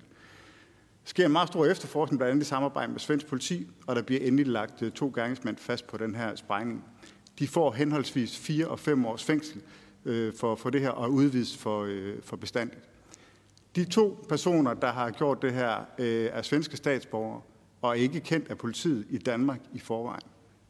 Lokkede oplysninger er helt afgørende i en sag som det her, når politiet skal lave den type af efterforskning. Det andet eksempel, jeg gerne vil prøve at komme med, det er fra, øh, fra de jyske og fra øh, Ulfborg. Det ligger lidt vest for, for Holstebro der havde man en række brandstiftelsessager. Det er meget alvorligt, særligt når det foregår i nær øh, privat ejendom, og der er risiko for, øh, for menneskeliv. Så selvfølgelig igen, politiet iværksætter en massiv efterforskning for at komme de her brandstiftelser til livs. Ret hurtigt så falder mistanken på en 41-årig mand. Det viser sig senere, hans modus er at brænde stort set alle bygninger af, han kan komme i nærheden af, for, som, har noget med, som har en relation til, til ekskonen. Man laver en lang række efterforskningsskridt mod manden, blandt andet observation og så videre, og på et tidspunkt så er det rent faktisk muligt at, pågribe ham også på, på fast gerning, og man får ham varetægtsfængslet. For at afdække hans færden nærmere så videre, så indhenter man logget oplysninger på den pågældende person. Han har mange tilfælde været snu nok til at lade telefonen blive derhjemme i de tilfælde, hvor han skulle ud og påsætte de her brænde. Men også her, fordi vi netop er i stand til med de her oplysninger også at kunne afdække en normal færden, en normal hverdag, og dermed også de, øh, hvad skal man sige, øh, Øh, afvielser, der er til den hverdag, så kan det også være et indice i forhold til, hvad er det, der er sket på de her dage, hvorfor er det, at øh, telefonen ligger stille derhjemme lige præcis på de dage, hvor de her brænde de sker. Men det, der var særlig interessant øh, lige præcis i den her sag, det var, at der var stærke beviser mod manden. Vi kunne se, hvad det var for modus, han havde, havde brugt. Han blev tiltalt i de syv sager, øh, men han blev kun dømt for de seks. Det syvende bliver han ikke dømt for, og det er fordi, at den vagttelefon, han har som forbindelse med sit arbejde, jamen der kan man se, at den simpelthen er på, øh, på et andet sted. Så her var øh, de lokkede oplysninger som en del af den præmis, der gjorde, at han ikke blev tiltalt for, øh, eller ikke blev, øh, blev dømt for det, for det syvende forhold. Og det er bare for at sige, at lokkede oplysninger er utrolig vigtigt, når vi skal afdække, hvad det er, der er sket. Det er både i forhold til at lægge mistænkt fast på gerningssted, men jo også, hvis der er nogen, der ikke er, eller som har været inde i luppet, har været inde i efterforskningen i det her, også kunne tage dem ud igen i, øh, i efterforskning, eller senere i, i sagen i, i retten, hvis det er, at de peger i en anden retning. Og det skal egentlig bare føre mig hen til en afsluttende bemærkning, og det er, at jo flere oplysninger politiet har til rådighed, jo nemmere har vi ved at opklare forbrydelsen. Jo nemmere har vi ved at binde de enkelte spor sammen, vi kan binde telefonen sammen med køretøjet, med gerningsstedet, med tankstationen, med videoovervågning osv. Lokoplysninger er den lim, der binder vores spor sammen. Det er det, der skaber en retning på vores efterforskning, så vi ved, hvor det er, vi skal få yderligere spor. Det er det, der gør, at vi kan lægge de mistænkte fast, og vi kan fjerne dem, som ikke er relevant for efterforskningen. Tak. Tak til Lykke Sørensen og Lars Mortensen. Vi øh, fortsætter øh, med oplæg fra Karoline Østergaard Nielsen, øh, statsadvokat ved Rigsadvokaten, og Marie Bindslev, vice statsadvokat ved Rigsadvokaten. I har også 10 minutter til sammen, og jeg går ud fra, at I også selv fordeler det mellem jer. Værsgo. Ja, og vi har også et slide show, tror jeg, som vi så skal være lidt... Øh, ja, nej, det er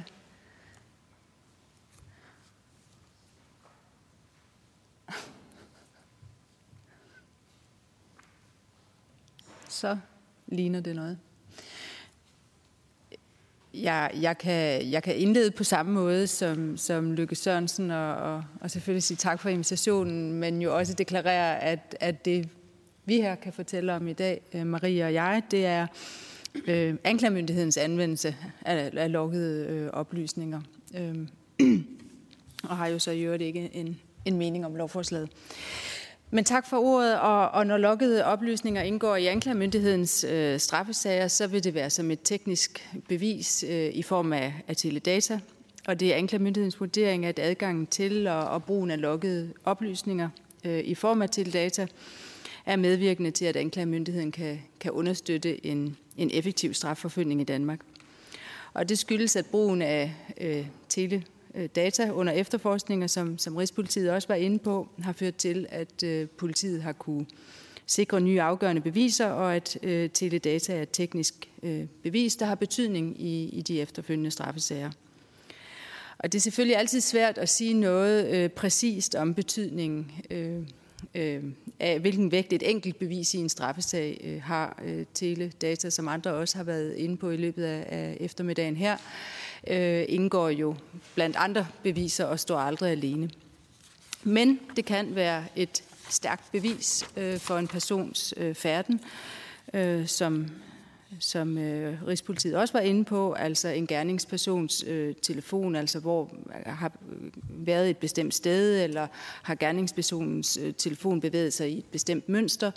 Øh, det kan også være et stærkt bevis for, øh, hvem der har talt sammen. Har flere gerningspersoner talt sammen i en sag, eller har, har der været kontakt mellem gerningspersonen øh, og den forurettede? Og derfor vurderer anklagemyndigheden også, øh, at det er vigtigt for en, en effektiv strafforfølgning, at politiet og anklagemyndigheden har adgang til teledata. Øh, det er klart, at, at anklagemyndigheden er helt af, øh, afhængig af de efterforskningsmuligheder, som politiet har. Hvis vi ikke har øh, lukket oplysninger i politiets værktøjskasse, ja, så kommer de heller ikke til at indgå som beviser i de efterfølgende straffesager, som, som anklagemyndigheden behandler. Men det er selvfølgelig klart, at øh, adgang til, til teledata og, og, og loggede oplysninger, ja, der følger også et ansvar, øh, som andre også har været inde på i løbet af dag, ja, i dag. Ja, så udgør de jo et indgreb i, i, øh, i privatlivet, og derfor har anklagemyndigheden også et meget stort fokus på at sikre, at det retlige grundlag øh, for at indhente øh, teledata er til stede og at vi kun bruger øh, teledata øh, som bevis i straffesager, når det er nødvendigt. Men nu vil jeg give ordet til, til vicestatsadvokat øh, Marie Bindslev, der vil sætte sådan lidt mere konkrete eksempler på, på anklagemyndighedens brug af teledata. Tak. Ja, man kan sige, at anklagemyndighedens rolle i forbindelse med lukkede oplysninger og teledata er tolet. Øh, vi har en rolle under efterforskning, og det har vi, fordi det er anklagerne, der går ned i retten og henter kendelse. Det er altså, når vi skal have adgang til, når politiet skal have adgang til lukkede oplysninger. Øh, I den forbindelse har vi også en rigtig vigtig rolle med legalitetssikring. Øh, det er ikke, man kan godt få indtryk af, når man hører i dag, at der er sådan en fri adgang for politi og anklagemyndighed, men det er jo sådan en anklager, der går ned, der er en indgrebsadvokat, der er en dommer, der siger ja til, at politiet må bruge de her, og efterfølgende er der rigtig stor opmærksomhed på, at øh, politi og anklagemyndighed selvfølgelig kun bruger de oplysninger, som retten har givet lov til. Det andet ben for anklagemyndigheden, det er i forbindelse med øh, tiltalerejsning og hovedforhandling. Når politiet er færdig med sagen, så får vi jo til data logget oplysninger på bordet og skal vurdere, at det er nok til at rejse en tiltale. Øh, så der foregår der en vis form for bevisvurdering af de loggede oplysninger i anklagemyndigheden. Og bagefter er det en rigtig vigtig rolle for os at fremlægge det som bevis ned i retten, så alle rettens aktører forstår, hvad det er, vi har med at gøre. Man kan interessere sig for, hvor, hvor stor er volumen så er lukkede oplysninger i straffesager. Øh, vi kan ikke trykke på en knap og så sige, øh, det her det er tal. Det, så, så tit sker det, at lukkede oplysninger er bevis i en straffesag. Men da vi havde til datasagen, som øh, nogen også har nævnt i dag, der, øh, der kunne vi på cirka 10 år se, at, at der havde politiet modtaget til data i cirka 12.700 sager. Af dem øh, var der 5.000, hvor det var blevet brugt som et, et øh, bevis, og nogen var blevet dømt skyldig. Så det siger lidt om omfanget af, hvor, hvor ofte lukkede oplysninger og teledata er i straffesager. Vi har taget to eksempler med, der skal vise, øh, hvordan anklagemyndigheden bruger lukkede oplysninger. Det første eksempel vedrører organiseret indbrudskriminalitet. Det var en sag med 18 indbrud og indbrudsforsøg over cirka to måneder i et ret stort område på Fyn og Jylland med den samme fremgangsmåde. Man havde ikke ret meget at gå efter øh, i efterforskningen til at starte med. Der blev stjålet ret store beløb med sådan nogle tag nedgennembrud øh, i, på forskellige gerningssteder. Så det man gjorde var, at man startede efterforskningen op ved at hente, faktisk ved at bruge ikke lokningspligtige oplysninger, men det der hedder signaleringsdata.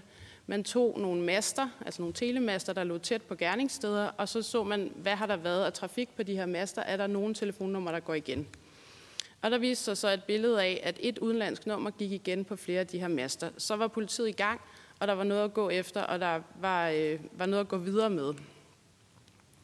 Det næste, man gjorde, var så øh, at følge det her telefonnummer, observere telefonnummeret og observere et køretøj, man også var bekendt med. Og det førte til anholdelse af fire udenlandske personer. Øh, og de havde telefoner på sig, så man kunne så nu begynde at bruge loggede oplysninger nemlig indhente historiske masteoplysninger og se, hvor har de her fire telefoner bevæget sig i forhold til gerningstidspunkterne på de 18 gerningssteder. Øhm, og det viste sig, at der var sammenfald, og man kunne se, at de havde været omkring gerningsstederne. Så sammenholdt de her lukkede oplysninger med det værktøj, man fandt, da man anholdt dem, med kontanter, der svarede til store beløb, som var, var noget af det, der var det stjålne, så førte det samlet til domfældelse af de her omrejsende kriminelle, der altså havde lavet en, en lang række indbrud. Så det siger noget om, at både ikke lokningspligtige oplysninger og lokningspligtige oplysninger, det kan både føre videre i sagen, men det kan også ende med at blive et egentligt bevis blandt andre, øh, der så fører til domfældelse. Bare for at give et helt lavpraktisk eksempel på, hvordan ser lukkede oplysninger så ud i en straffesag. det her er et eksempel på et mastekort for den konkrete sag. Øh, det hvide er gerningsstedet. Det er måden, vi formidler det på nede i retten. Øh, det hvide er gerningsstedet. Og her er et eksempel på to af telefonerne, der bliver fundet hos de tiltalte. Og der, nu er det meget små tal, kan jeg godt se. Men det, man kan se, er, at, øh, at to af telefonerne er på gerningstidspunktet på en telemast nær gerningsstedet. Og man kan også se den røde boks nede i hjørnet, at en af telefonerne i aften op til gerningstidspunktet har været i området. Det er ikke nok i Danmark til at dømme en for et indbrud, men det indgår i sagen øh, og er en del af den samlede bevisførelse. Det andet eksempel handler om særlig groft databedrageri. Det var en sag, hvor øh, meget omfattende databedrageri, mere end 150 forurettede til i alt 11 millioner kroner. Det foregik på den måde, at, øh, at gerningsmænd de ringede til særligt gamle, udgav sig for at være for banker, og fik så franarret dem øh, nem ID og CPR-nummer.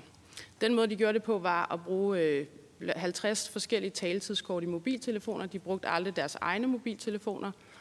Øh, så det, som efterforskningen her ret omfattende kom til at handle om, det var, at man øh, lavede en analyse, sådan en parallel analyse. Man analyserede, hvor havde taletidskortene været på master, og hvor havde gerne de mistænktes telefoner været, og hvis der var et sammenfald, var det en indikation for, at det var dem, der havde brugt taletidskortstelefonerne.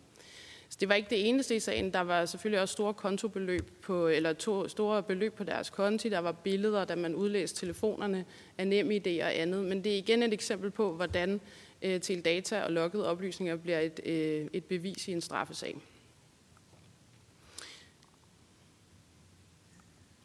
Så man kan sige sammenfattende fra anklagemyndighedens side, så bruger vi altså til data og lokkede oplysninger på, på ret forskellige måder. I den sag med databedrageri, der endte det med, at tre af de, af de mistænkte, eller de sigtede, de tilstod, blandt andet på baggrund af de omfattende teledata. De tre andre blev efterfølgende dømt. Så i nogle situationer, så gør den store bevismængde, at, at øh, nogen kan tilstå, og den kan så også bruges efterfølgende under sagen. Nogle gange er det et direkte bevis, der fylder meget i den samlede beviskurv, og andre gange er det et mere indirekte bevis, der sammen med noget andet kan føre til domfældelse. Og den sidste hovedpointe for os, tror jeg, er, at øh, vi er jo helt afhængige af, hvad politiet har. Så, så hvis politiet får færre efterforskningsmuligheder, så har vi færre muligheder for at have beviser i straffesager eller omvendt. Det tror jeg var det samlet for os. Tak skal I have, Karoline og øh, Marie. Nu går vi videre til dagens øh, sidste oplægsholder, Christian Lundblad, som er øh, retspræsident ved retten på Frederiksberg. Og øh, efter øh, dit oplæg, så åbner vi op for, øh, for spørgsmål. Værsgo, Christian. Ja, mange, mange tak for invitationen. Man kommer selvfølgelig, når Folketinget kalder, så man godt kunne spørge selv, hvad laver en dommer dog her? Men, men øh, det må jeg jo prøve at finde ud af, om jeg har noget relevant at fortælle. I hvert fald kan jeg sige, at jeg møder kun på egne vegne, og det bliver en subjektiv beskrivelse af, hvordan forholdene er på Frederiksberg, og ikke sådan, hvad domstolen i det hele taget mener om det her. Og i det hele taget tror jeg ikke, hverken domstolen jeg har noget særlig holdning til lovforslaget. Det overlader vi helt og trygt til regering og folketing. Men når jeg kan sige, at, øh, at, hvad øh, teleoplysning betyder ved domstolen. Så jeg kan sige, at jeg er præsident dommer ved en ret på Frederiksberg. Det lyder sådan set pænt og ordentligt, men den dækker øh, også halvdelen af Københavns Kommune, og det er ikke kun fordi Københavns Kommune er noget specielt, men det dækker altså et område, øh, hvor hård kriminalitet er vores hverdag. Øh, bandekriminalitet, øh, drab og lignende, det er øh, det, vi ser i vores hverdag. Og det vil sige, det er den type kriminalitet, vi øh, beskæftiger os med som dommer. Og der skal man altså også indledningsvis forstå, som dommer beskæftiger man sig dels med kriminalitet i relation til efterforskning, altså hvor man går ned i retten for en kendelse om, at nogle blandt andet lokkede oplysninger kan tilvejebringes. Så følger man den efterforskning, og så sidenhen, så får vi den anden side af sagen, det er, at vi skal beskæftige os med en, en straffesag, der sidenhen fører til en tiltale. I den første del af situationen, der er det et mistankegrundlag, vi sidder og arbejder med som dommer. At har, har, har politiet en reel mistanke for, at de har brug for de oplysninger, de skal bruge i relation til at oplyse en given forbrydelse? Når vi kommer til straffesagen, så er det noget helt andet. Så er det et bevistema, der handler om, at det skal være uden enhver rimelig tvivl, at man dømmer sin straffesag. Og det tror jeg, det, det er vigtigt at have for øje. Når vi taler om teleoplysninger, så er de fra et dommerperspektiv i allerhøjeste grad relevante i relation til efterforskning, i relation til at lave kæden, hvad er der foregået. Men når det kommer til, hvad er der hvad påvist som bevis i retten, så er de højst et indicium for et hændelsesforløb. Jeg har nogle eksempler, jeg vil tage med bagefter. Jeg tror, faktisk, den der data-sag også kørte ud fra Frederiksberg, faktisk. Øhm, hvad, hvad det bruges til, der er det, der er det underliggende. Man bliver aldrig dømt på en teleoplysning alene. Fordi din mobiltelefon er fundet i nærheden af et gerningssted, så er du ikke skyldig i den gerning, der måtte være begået der. Det tror jeg er helt fast, at, at sådan vurderer vi slet ikke beviser ved domstolen i Danmark i strafsager. Og det vi jo altså taler om, når vi ser på det øh, som dommer, så er det, vi har at gøre for at få sådan helt abstraktionsniveauet ned, det er at finde ud af, hvor har en mobiltelefon befundet sig, hvem er ejer af den pågældende mobiltelefon, hvem har den pågældende sat sig i forbindelse med, og hvilke bevægelsesmønster øh, har der været, hvilke beskeder kan der være givet via mobiltelefonerne. Det er sådan den konkrete øh, øh, efterforskning knyttet til en bestemt mobiltelefon. Derudover så har vi det, jeg kalder den generelle efterforskning, som går på, at man tager ja, det vi i vores dag, det hedder udvidet teleoplysning, men vi kalder det et mastesug. Øh, men altså, hvor man simpelthen går ned og siger, at på dette givende område er der sket en, en, en alvorlig gerning, derfor er vi nødt til at finde ud af, hvad er der sket her for overhovedet at starte ud med, hvem har været her. Øh, og derfor tror jeg, det er vigtigt også, når vi taler om teleoplysninger, så får det sådan en indtryk, det er sådan meget øh, det, det, er, det er nogle store indgreb, men, men reelt set, set, tror jeg fra et dommerperspektiv, når vi kigger på det i den sammenhæng, vi taler om i dag, så er det historiske data. Det er noget, der går tilbage i tiden. Vi har andre teleoplysninger om aflytninger, øh, videoer, øh, overvågning og lignende, der knytter sig til noget fremadrettet aktivitet. Her skal vi afdække noget, der er sket tilbage i tiden, for at finde ud af, hvorfor vi de relevante mennesker bragt i betragtning til en bestemt øh, given forbrydelse. Der kan jeg jo tage nogle eksempler fra min øh, nære hverdag. Jeg håber ikke, at jeg kommer på kant med tavshedspligt. Men for eksempel øh, havde jeg en sag i, i foråret, for jeg må tage nogle, I kan huske. Der. Så derfor er de helt øh, varme. Men en, en lille pige bliver kørt ihjel på Peter Banks vej. Øh, gerningsmanden løber fra gerningsstedet. Man har en idé om, hvem der har bilen. Man efter, sætter derefter en teleobservation på, hvor er den mobil henne. Den er slukket. Men man finder alligevel fra før den blev slukket, det kørselsforløb, der har været ud til gerningsstedet, sådan så man får beskrevet via teleoplysninger historiske, hvordan har gerningsmanden kørt fra sin bopæl og ind til Peter Bangsvej og helt ind til, at ulykken sker. Andre teleoplysninger bringer ham så i forbindelse med de venner, han har, og på den måde bliver han også pågrebet. Ingen af de teleoplysninger spiller som sådan nogen rolle i den straffesag, vi efterfølgende har imod ham.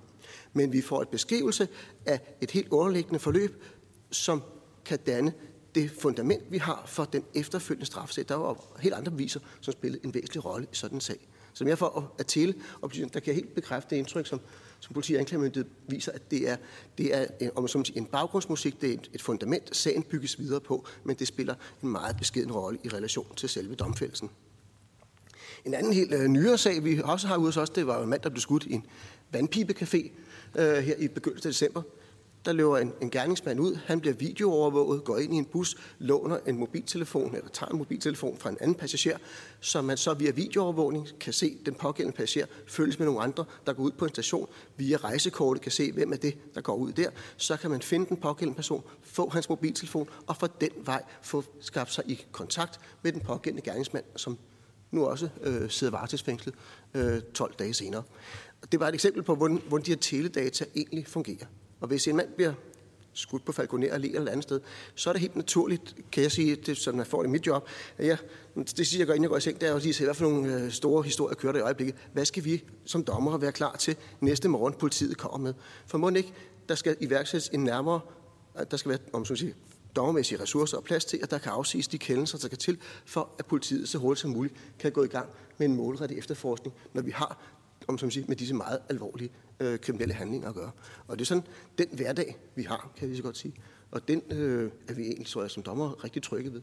Øh, og jeg har ikke noget oplevelse, et spørgsmål, du stillede tidligere, har vi indtryk af, at nogen er blevet dømt med urette øh, for ned af i det hele taget har jeg ikke oplevet, at nogen er dømt med urette, men selv øh, at teleoplysninger skulle have spillet en rolle, der mener jeg simpelthen ikke, øh, jeg kan erindre eller har hørt om, at det skulle være tilfældet. Men jeg vil meget gerne have modtaget spørgsmål fra, hvordan ser I på domstolens rolle i det her? Vi i hvert fald står meget gerne til rådighed for både spørgsmål, men også at vi indtager en, den retssikkerhedsmæssige øh, opgave, vi har i relation til både sikring af efterforskningsskridt, sikring af retssikkerhed og persondata, og selvfølgelig også i relation til ikke mindst, at det er de rigtige, der bliver dømt på det rigtige grundlag. Så lad det være mine indledende værkninger som rosin i pølsen. Mange tak til Christian Lundblad. Nu er der mulighed for øh, at stille spørgsmål til, øh, til de tre oplægsholdere, og lad os bare øh, tage en runde med spørgsmål kun til de tre, og bagefter så åbner vi op for, øh, for spørgsmål til, til hele panelet. Men øh, først er det Eva Flyvholm i Enhedslisten. Jamen, øh, tusind tak for at være her og gøre os klogere. Hvad hedder det? Jeg har egentlig et par spørgsmål, men jeg tror, jeg tager de to vigtigste først, og så kan vi se, om der bliver øh, tid til at komme tilbage øh, til, til de andre, enten i den her eller næste runde. Hvad hedder det? I forhold til, det er jo både øh, ja, fra anklagemyndigheden og også for politiet inde på det her med, altså teledata kan jo være mange forskellige ting, og det er jo ikke alle teledata, der er øh, øh lokningspligtige. Det synes jeg egentlig også, det der eksempel, der, der kom herover fra meget godt viste øhm, hvordan man går til. Og jeg kunne godt tænke, eller, eller hvordan det, det kan se ud. Ikke? Jeg, jeg kunne godt tænke mig, hvis I kunne sige lidt mere om, at I sådan et, jeg må måske ikke sige en typisk sag, der er nok en del, men alligevel ikke. Altså, hvor ofte er det øh, lukkede oplysninger, man går ind og henter sådan langt tilbage i tid, og hvor ofte, når der er tale om for eksempel alvorlig kriminalitet, altså går man ind og laver en hastesikring af, hvad har du faktisk konkret i, i området, og det er der, oplysningerne kommer fra. Øh, jeg tænker også på, altså der er jo i hvert fald noget omkring lokalitet, hvor man vel kan få nogle bedre informationer, hvis man laver øh, en, en hastesikring også og får et, et, et bredere sug, som, øh, som, som Christian Lundblad også er inde på. Så kan I ikke prøve at forklare lidt mere om det? Hvornår øh, er det, hvad er det typisk? Altså, er det lokningsdata, eller er det i virkeligheden mere aktuelt indhentede teledata, I bruger mest. Det synes jeg kunne være, være rigtig fint øh, at have et, øh, et, et billede af. Øh, og så i forhold til Lykke Sørensen, du nævnte i din gennemgang, sådan bare også, så jeg lige er med på forståelsen af det, at det er klart, at hvis man går over til det, øh, den anden del af lovforslaget, der handler om den mere målrettede lokning, at så vil der være mange ting, der skal øh, forandres i processerne. Men hvis man fortsætter med den generelle og udifferentierede lokning, som jo er det, der øh, lægges op til i lovforslaget, så hører jeg dig sige, jamen så er der faktisk ikke de store ændringer mellem, hvordan situationen er i dag, og hvordan det så vil, vil, vil fortsætte. Det er også bare til lige helt at få den skåret i pap. Men uh, tak for det. Ja, det hørte jeg som et spørgsmål til Lykke og Lars. Værsgo. Ja, det kan være, at jeg kan begynde i forhold til det sidste, der kan jeg besvare bekræftende, altså hvis vi er i den øh, uh, generelle udifferentierede lokning, øh, som vi også må bruge til andet, for det er jo en ret væsentlig del af det, altså også til grov kriminalitet, så, så har vi jo stort set et værktøj, som vi har i dag. Øh, så det kan jeg bekræfte. I forhold til, hvor, hvor meget indhenter vi, og hvor tit bruger vi det osv., vi fører faktisk ikke statistik. Der er vist lige stillet et spørgsmål om, i forbindelse med lovforslaget, hvor mange gange vi indhenter, og der har vi nogle, nogle data på, på, hvad vi indhenter i forhold til altså det, vi kalder registreringspligtige data. Og det er øh, sådan over de sidste 5-6 øh, år, øh, ja, flere tusinde øh, øh, gange, vi indhenter det. Men det er altså med det forbehold, at vi fører faktisk ikke statistik over det, og det er, er, øh, er som at skal, skal tages med det, som vi også har bidraget til en besvarelse af, som jeg ikke er helt sikker på at besvaret endnu. Øh, og i forhold til hastesikring, øh, der skal man jo øh, øh, bare sige det helt generelt, at som det også er kommet frem, at det er jo oplysninger, vi har i ret kort tid. Det betyder jo, at, øh, at hvis vi skal bruge hastesikring, så skal vi jo vide, hvilken vej vi går i løbet af tre sekunder. Sådan er det jo desværre ikke i sådan større sager. Der er øh, rigtig ofte det, at vi jo efterhånden lægger puslespillet, øh, og så er det for sent. Øh, så, så det er blot for en helt generel bemærkning om hastesikring. Jeg tror, Lars Mortens måske har lidt større billede af, hvor, hvor ofte bruger vi det, og hvor ofte øh, i dag. Tak for det, og ja, det er fuldstændig rigtigt. Der findes forskellige typer indgreb, og de har alle sammen deres styrker og deres øh, begrænsninger. Øh, vi har det, vi kalder de øh, historiske teleoplysninger. Det giver os mulighed for at rent faktisk se kommunikation på en enkelt mistænkt telefon et helt år til, tilbage. Der har vi også mulighed for at sikre den data endnu længere tilbage, så den ikke øh, bliver slettet fra, øh, fra, fra teleudbyderen. Så har vi det, som jeg nævnte på sprængningssagen omkring de øh, udvidede teleoplysninger. Altså, hvor vi går ind i et egentligt område, så siger godt, hvem er det egentlig, der har været i det her område, og hvem er det, der kommunikerer med hvem. Der skal også noget ekstra til, ud over en høj strafferamme, så skal vi også have noget mere i det. En meget alvorlig sag som sprængningssag, så har vi mulighed for at indhente de oplysninger, hvem har været været i området, og hvem er det, de har, de har kommunikeret med. Og så har vi endelig de her lokaliseringsdata, som er noget, som telebranchen opbevarer til brug for sig selv, hvor vi har mulighed for at hastesikre, for de har det kun i meget, meget kort tid. Og når vi har den her meget alvorlig kriminalitet, hvor vi måske har flere gangsteder. Det kan være en uh, narkokurer, der kører i, øh, igennem landet. Der kan være, det kan være en drabsag, hvor der både er gerningssted, men hvor livet bliver fundet et andet sted osv. Det er jo masser af ting, som vi skal finde ud af undervejs i efterforskningen. Der kan også være mange internationale perspektiver i efterforskningen. Det tager tid, og det betyder, at tiden kan ret hurtigt løbe i forhold til de 10-14 dage, hvor den data er til rådighed. Så vi prøver at hastesikre det, hvor vi tænker, at det her det kan gå hen og blive relevant, det her område er relevant, men er vi en dag eller to for sent, så er den data væk, så er den der ikke længere, og dermed ikke en mulighed for, for os at indgå i, øh, i efterforskning. Så nogle data er rigtig gode til at finde ud af, hvem har været på et sted, og andre af de her datatyper er rigtig gode til at sige, hvem er det egentlig, der kommunikerer med hvem.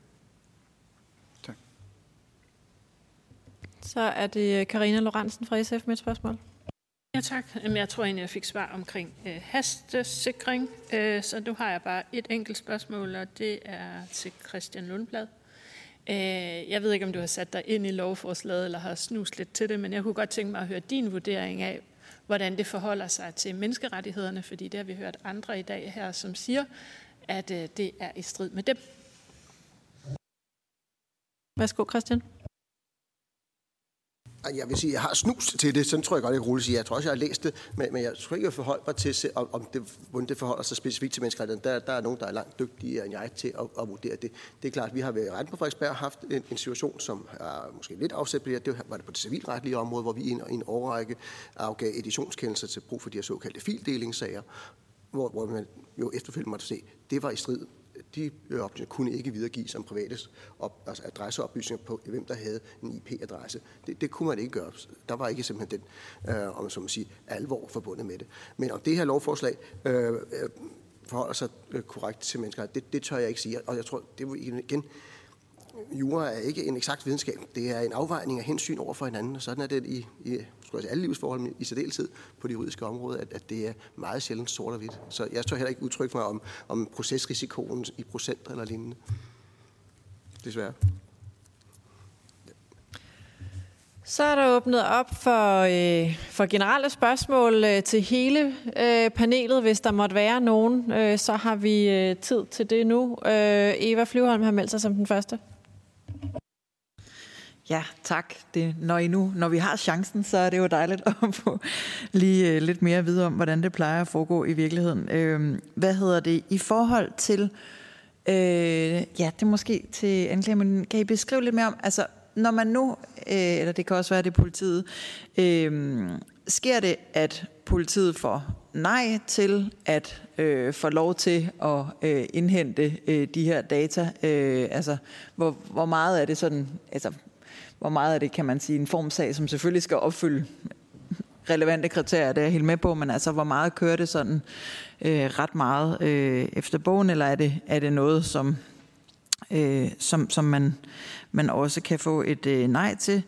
Øh, og det andet, det er, øh, hvad hedder det... Øh, i forhold til, når vi har set hele den her, øh, der er jo i hvert fald rejst noget usikkerhed, også både efter teledataskandalen, kan man sige, hvor der var nogle fejl i systemet, men der er jo også kommet nogle sager frem, hvor man godt ved, at jamen, der kan være noget upræcished i, hvordan ligger, altså hvordan læser man masse oplysningerne, og det er jo også, det hører jeg jo også, I siger, at det indgår jo sammen med andre ting, men, men stadigvæk, det må vel alt andet lige, øh, ligesom øh, også underbygge, at man i hvert fald ikke kan, altså nu er der flere af der siger, at det er et meget stærkt, øh, det, det, det er meget stærkt at have teledata øh, som, som bevis, men, men det må vel alligevel i nogen grad svægte lidt, at der er den usikkerhed, som man også kender til i forhold til, til både lokalitet og i forhold til, at der ikke er blevet lagt øh, vægt på det i forhold til teledatasagerne. Så det, vi kommenterer lidt mere på det, men meget gerne beskrivelsen af, hvordan man sådan gør det rent lavpraktisk, når man skal have fat i øh,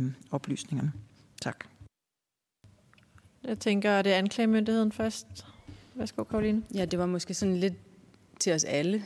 Der var måske også noget af det, der var til Christian, det ved, det ved jeg ikke. Øh, øh. Men, men øh, altså, du spørger, om det er en formsag, om man kan få nej, om politiet kan få nej. Det kan jeg, altså, jeg kan nu skal jeg passe på, hvordan jeg svarer, men jeg kan i hvert fald sige, at man kan godt, politiet kan godt få nej. Det er ikke en, en formsag. Det er jo, det er jo anklagemyndigheden, der går i retten og, og får kendelse på det. Men Marie kan måske lige uddybe det om lidt. Men, men, men så var du også inde om, omkring øh, noget omkring usikkerhed ved beviser. Altså, der er jo ikke noget bevis i denne verden, der, der ikke kan anfægtes, eller som, som, som, er, er, øh, som, som er fuldstændig bulletproof, og det, det var Christian Lundblad jo også inde på, at det kan jo også forandre sig i løbet af en sag at måske har, har teleoplysninger størst betydning, sådan, sådan vi er indledningsvist. Og det betyder jo ikke, at det ikke indledningsvis kan være et stærkt indicium. Øh, øh, ja, men, men jeg ved ikke, Marie, det kan være, du vil uddybe. Altså helt lavpraktisk, så kan man sige, for det første er det jo ikke kun et kriminalitetskrav, vi skal ned og belyse, når vi gerne vil hente nogle teleoplysninger. Det foregår på den måde, at politiet, hvis de finder det nødvendige efterforskning, så skriver de op til det i en rapport. Og der skal de jo belyse, hvorfor er der overhovedet mistanke, hvad er der overhovedet grund til, at det lige præcis er det her nummer, vi gerne vil have oplysninger omkring. Og så går anklageren ned i retten og forelægger det for dommeren. Der er en indgrebsadvokat. Hvis vi snakker om de her teleoplysninger, hvem ringede til hvem bagud i tid, så er der en indgrebsadvokat. Og indgrebsadvokaten skal jo også være med til at sikre netop retssikkerheden øh, og hensynet til, hvor indgribende er det for den person, vi rent faktisk beder om oplysninger på baggrund af. Og udover at øh, der skal være et vis kriminalitetskrav, så skal der være den her mistanke om, at der ligesom er noget kriminalitet, vi kan knytte det op på. Det skal vi anskueligt gøre, og så skal det være professionelt. Og bagefter er det jo sådan en dommer. For det første har indgrebsadvokaten mulighed for at stille spørgsmål og, og, og, og spørge ind til det her. Og så er det jo en dommer, der beslutter, at politi og anklagemyndighed må bruge det her. Der er også mulighed for at kære for indgrebsadvokaten, så der er også et toinstansprincip. Så, så det er ret sådan en grundig prøvelse, som, som ikke bare er en automat eller, eller noget, hvor vi hver gang bare ved, om så er den hjemme. Til det med data og til datasagen, der tror jeg, noget af det, vi lærte hele systemet efter teledatasagen. jeg tror, det er en forsvar, der har sagt det bedst, øh, at, at før teledatasagen øh, var, var man ligesom blevet så tryg i systemet ved at bruge teledata. I starten, da man begyndte at bruge teledata, så sad der teleteknikere i alle sager. Øhm, og så blev man ret tryg ved beviset, og teledatasagen gjorde egentlig, at vi, at vi fandt ud af, at det ikke var det guldæg i kurven, fordi der er ikke noget bevis guldæg i kurven. Øhm, og det har egentlig været en rigtig god ting ved teledatasagen. Så i dag er det jo sådan, at der er en varedeklaration, der beskriver alle de fejl og usikkerheder, der kan være ved teledata. Den bliver dokumenteret nede i retten. Øhm, der, vi oplærer anklagerne i, hvordan de skal formidle, hvad teledata kan og hvad det ikke kan, sådan så at dommer, domsmænd, forsvarer er klædt på. Så, så i virkeligheden tror jeg, vi er der, hvor vi ser, at teledatasagen har lært os noget rigtig godt, øhm, og at, og det bringer vi frem i retten, så det indgår med den rigtige bevisværdi. Løkke Sørensen, værsgo. Det vil jeg blot istemme, at øh, det var vel et øh, wake-up call. Øh, et, et rigtigt besværligt wake-up call, forstået på den måde, at øh, som ministeren også har udtrykt det masser af gange, at det her er jo kolossalt vigtigt, at man kan regne med de oplysninger, der lægges frem. Og det har vi jo brugt øh, rigtig meget tid på, både i i, øh, i politiet og anklagemyndigheden prøve at styrke vores, øh, vores arbejde med det her styrke kontrolmekanismerne. Øh, og vi er jo også rigtig glade for, at den, lang, den, den meget, meget omfattende gennemgang af sager trods, trods alt ikke førte til øh, øh, øh, nogle, nogle grimme resultater. Det, det er vi sådan set ret glade for. Men det betyder jo ikke, at det ikke virkelig vigtigt, at vi hele tiden følger op på det. Derfor er der et, et meget, meget tæt samarbejde mellem øh, både Rigspolitiet og Rigsadvokaten om hele tiden at følge op. Øh, det ser man jo også set det i Folketingets retsudvalg mange gange. Vi har måttet komme med mange redegørelser om, hvad, der, hvad er nu er der dette eller hint. Jeg vil også gerne rose telebranchen. Øh, vi har et rigtig tæt samarbejde, og det har også været et wake-up call, tror jeg godt, man kan sige, på tværs, at, at vi også hører fra telebranchen lige så snart de siger, her er muligt noget, der er galt. Og det har vi så en helt klar proces for, hvad vi kigger på. Så øhm, et, øh, et, et, et wake-up call, fordi vi måske var blevet for malige alle sammen, øh, som, som Marie Bindslev sagde, at øh, det her var noget, vi ligesom øh, ikke længere forklarede for omverdenen. Hvad, hvad lå der egentlig i det her? Øh, og så vil jeg bare også istemme, der er jo en tofaktor godkendelse undersøgelse i det her. Der er anklagemyndigheden, man skal igennem først som politiet for at få lov til overhovedet at gå i retten med det her. Øh, og så er der domstolene, og der er så mange andre steder, vi har to-faktor godkendelse, men det har vi altså også her, øh, og det tror jeg ikke, man skal undervurdere.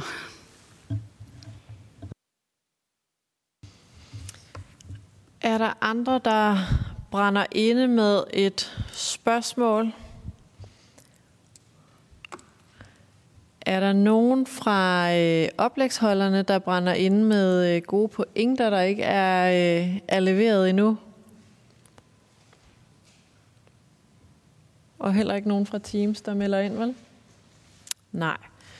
Jamen, øh, så tænker jeg at øh, sige tak for, øh, for rigtig gode oplæg og øh, for jeres input og, øh, og bidrag til, øh, til udvalgets videre arbejde med det her lovforslag.